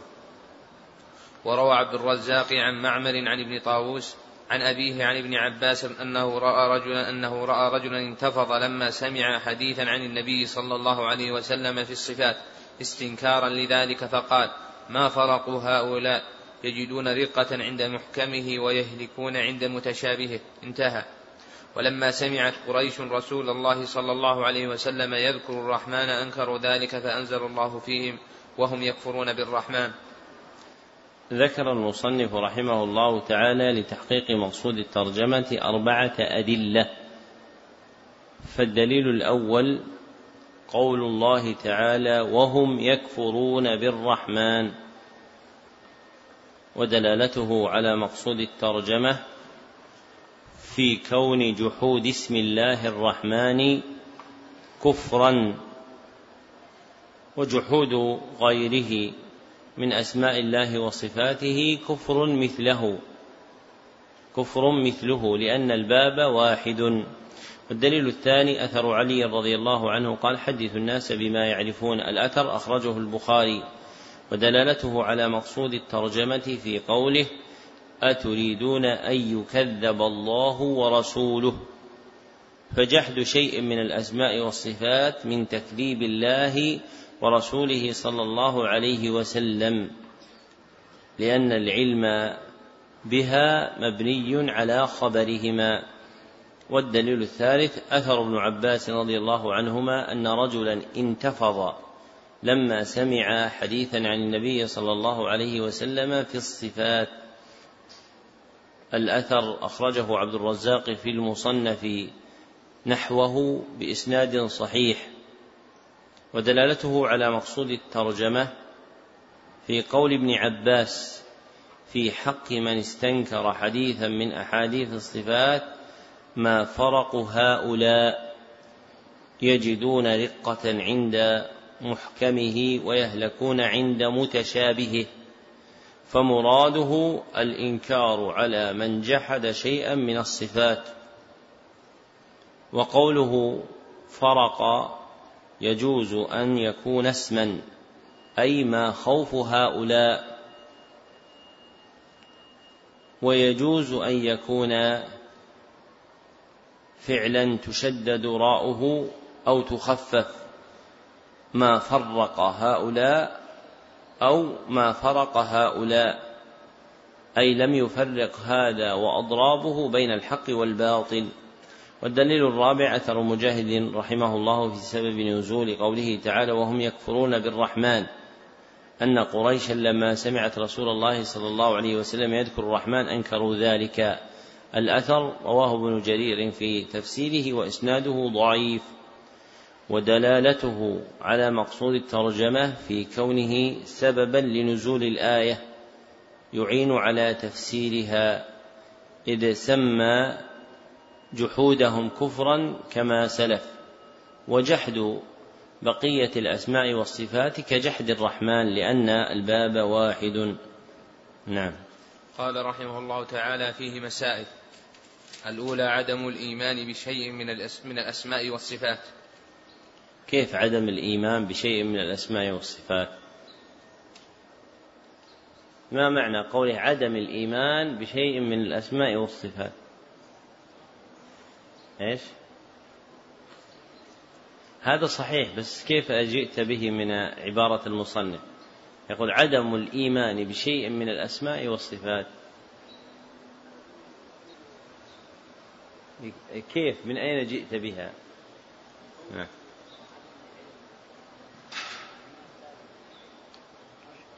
هو الآن قال الشيخ قال عدم الإيمان بشيء من الأسماء والصفات يعني إنكار الأسماء والصفات. إيش؟ جحد. من أين جئت بها؟ لا. من الباء الباء قال عدم الإيمان بشيء يعني بسبب شيء متعلق بالأسماء والصفات. ما هو الشيء المتعلق بالأسماء والصفات الذي يزول معه الإيمان؟ الجحد. الجحد. هذا معنى عبارة الشيخ. وفي العبارة غموض. ولأجل الغموض فيها عمد بعض متأخري العلماء فغيروها وهو الموجود في النسخ التي بأيدي الناس إلى قولهم عدم الإيمان بجحد شيء من الأسماء والصفات. هذا الموجود بالنسخ التي بأيدي الناس لكنها ليست عبارة المصنف. فعبارة المصنف عدم الإيمان بشيء يعني بسبب شيء. هكذا هو في نسختين بخط تلميذه ابن حبشان. نعم. الثانية تفسير آية الرعد. الثالثة ترك التحديث بما لا يفهم السامع. الرابعة ذكر العلة أنه يفضي إلى تكذيب الله ورسوله ولو لم يتعمد المنكر. الخامسة كلام ابن عباس لمن استنكر شيئا من ذلك وأنه أهلكه. باب قول الله تعالى يعرفون نعمة الله ثم ينكرونها. الآية. مقصود الترجمة بيان أن إضافة النعم إلى غير الله مناف توحيده. بيان أن إضافة النعم إلى غير الله مناف توحيده. فإن أقر قلبه بأنها من الله ونسبها بلسانه إلى غيره فهذا شرك أصغر. وإن اعتقد بقلبه أنها من غير الله فهذا شرك أكبر وبه يعلم أن إضافة النعم إلى غير الله قسمان. أحدهما إضافة ذلك باللسان مع عدم اعتقاده بالقلب وهذا شرك إيش؟ أصغر. وثانيهما إضافة ذلك إلى غير الله مع اعتقاد القلب أنها من غيره وهذا شرك أكبر. نعم. قال مجاهد ما معناه هو قول الرجل هذا مالي ورثته عن آبائي. وقال عون بن عبد الله يقولون لولا فلان لم يكن كذا. وقال ابن قتيبة يقولون هذا بشفاعة آلهتنا. وقال أبو العباس بعد حديث زيد بن خالد الذي فيه أن الله تعالى قال أصبح من عبادي مؤمن بي وكافر. الحديث وقد تقدم. وهذا كثير في الكتاب والسنة يذم سبحانه من, من يضيف إنعامه إلى غيره ويشرك به. قال بعض السلف وكقولهم كانت الريح طيبة والملاح حاذقا ونحو ذلك مما هو جار على ألسنة كثير. ذكر المصنف رحمه الله لتحقيق مقصود الترجمة دليلين فالدليل الأول قوله تعالى يعرفون نعمة الله ثم ينكرونها. ودلالته على مقصود الترجمة في قوله يعرفون نعمة الله ثم ينكرونها فنسب إليهم معرفة النعمة ووصفهم بإنكارها ثم قال في بيان حالهم وأكثرهم الكافرون أي جميعهم الكافرون. وهذا نظير قوله تعالى في وصف الكفار في آيات عديدة ولكن أكثرهم لا يعلمون. ثم قال في سورة التوبة ذلك بأنهم قوم لا يعلمون. فعدم العلم وصف لجميعهم. وعبر عنه في بعض المحال بكونه وصفا لأكثرهم اخراجا لمن ليس محلا للعلم كالصغار وغيرهم. وكذلك هذه الآية وأكثرهم الكافرون يعني وجميعهم الكافرون. ومن الإنكار ما ذكره مجاهد وابن عون فيما مجاهد وعون بن عبد الله فيما رواه ابن جرير عنهما ونقله المصنف هنا. وأثر مجاهد صحيح الإسناد وأثر عون إسناده ضعيف. وهما يقعان في حق من ينكر النعمة بالكلية باطنا وظاهرا وفي حق من يقر بقلبه أن المنعم هو الله لكن يجري على لسانه نسبتها إلى غيره. والأول كما سلف شرك أكبر والثاني شرك أصغر. وهذه الآية يراد بها المنكرون بالكلية باطنا وظاهرا. والاستدلال بها على من ينكر إنكارا جزئيا فيعتقد بقلبه أن النعمة من الله ويجري لسانه بخلاف ذلك هو استدلال صحيح لأن الجزئية من أفراد الكلي فصح الاستدلال بها في هذا وذاك يعني أن الآية أصل في الإنكار الكلي الذي هو حظ الكفار لكن يجوز الاستدلال بها في الإنكار الجزئي لأنه مندرج في ضمنها. أما ما ذكره المصنف من كلام ابن قتيبة رحمه الله في تفسير الآية يقولون هذا بشفاعة آلهتنا فهو شرك أكبر لأن اتخاذ الشفعاء شرك أكبر واعتقاد أن ما وصلهم من النعم هو بشفاعتهم من الشرك الأكبر. والدليل الثاني حديث زيد بن خالد رضي الله عنه أن الله تعالى قال أصبح من عبادي مؤمن بي وكافر الحديث متفق عليه. وقد تقدم وساقه المصنف في ضمن كلام أبي العباس بن تيمية لما في كلامه من إيضاح معناه. وسلف بيانه في باب ما جاء في الاستسقاء بالأنواء وأن الكفر الوارد فيه أصغر. فهم مسلمون جرى على ألسنتهم نسبة النعمة إلى غير مستيها.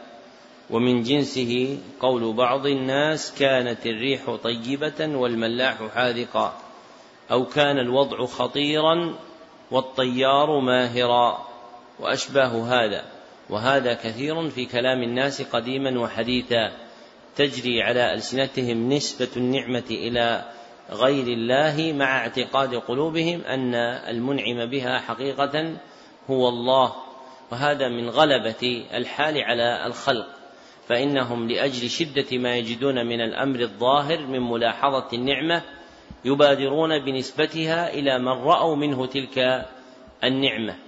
ويغفلون على أن النسبة يجب أن تكون لله ظاهرا كما أنها مستقرة في بواطنهم. فالمؤمنون يستقر في بواطنهم أن النعم تسدى جميعا من الله سبحانه وتعالى. فينبغي أن تجري ألسنتهم بما يقتضي ظهور هذا الباطن عليها لا بخلافه. وهذا آخر شرح هذه الجملة من الكتاب ونستكمل بقيته بإذن الله سبحانه وتعالى. ومما ينبغي أن يطلب الإنسان نفسه فيه تصبيرها على الخير. فإن طول الجلوس في مجالس العلم مما يتقرب به العبد إلى الله لأنه يمتثل قوله يا أيها الذين آمنوا اصبروا. وصابروا ورابطوا. وكثير من الناس تتوق نفسه إلى المرابطة في الجهاد. وأعظم المرابطة في الجهاد الجهاد في جهاد الحجة والبيان. لأن الأمر كما قال ابن القيم رحمه الله تعالى لأن القائم به قليل والمساعد عليه نزر يسير. وصدق رحمه الله تعالى. فنسأل الله سبحانه وتعالى أن يلهمنا رشدنا وأن يرزقنا الصبر على ما ينفعنا. الحمد لله رب العالمين وصلى الله وسلم على عبده ورسوله محمد وآله وصحبه أجمعين.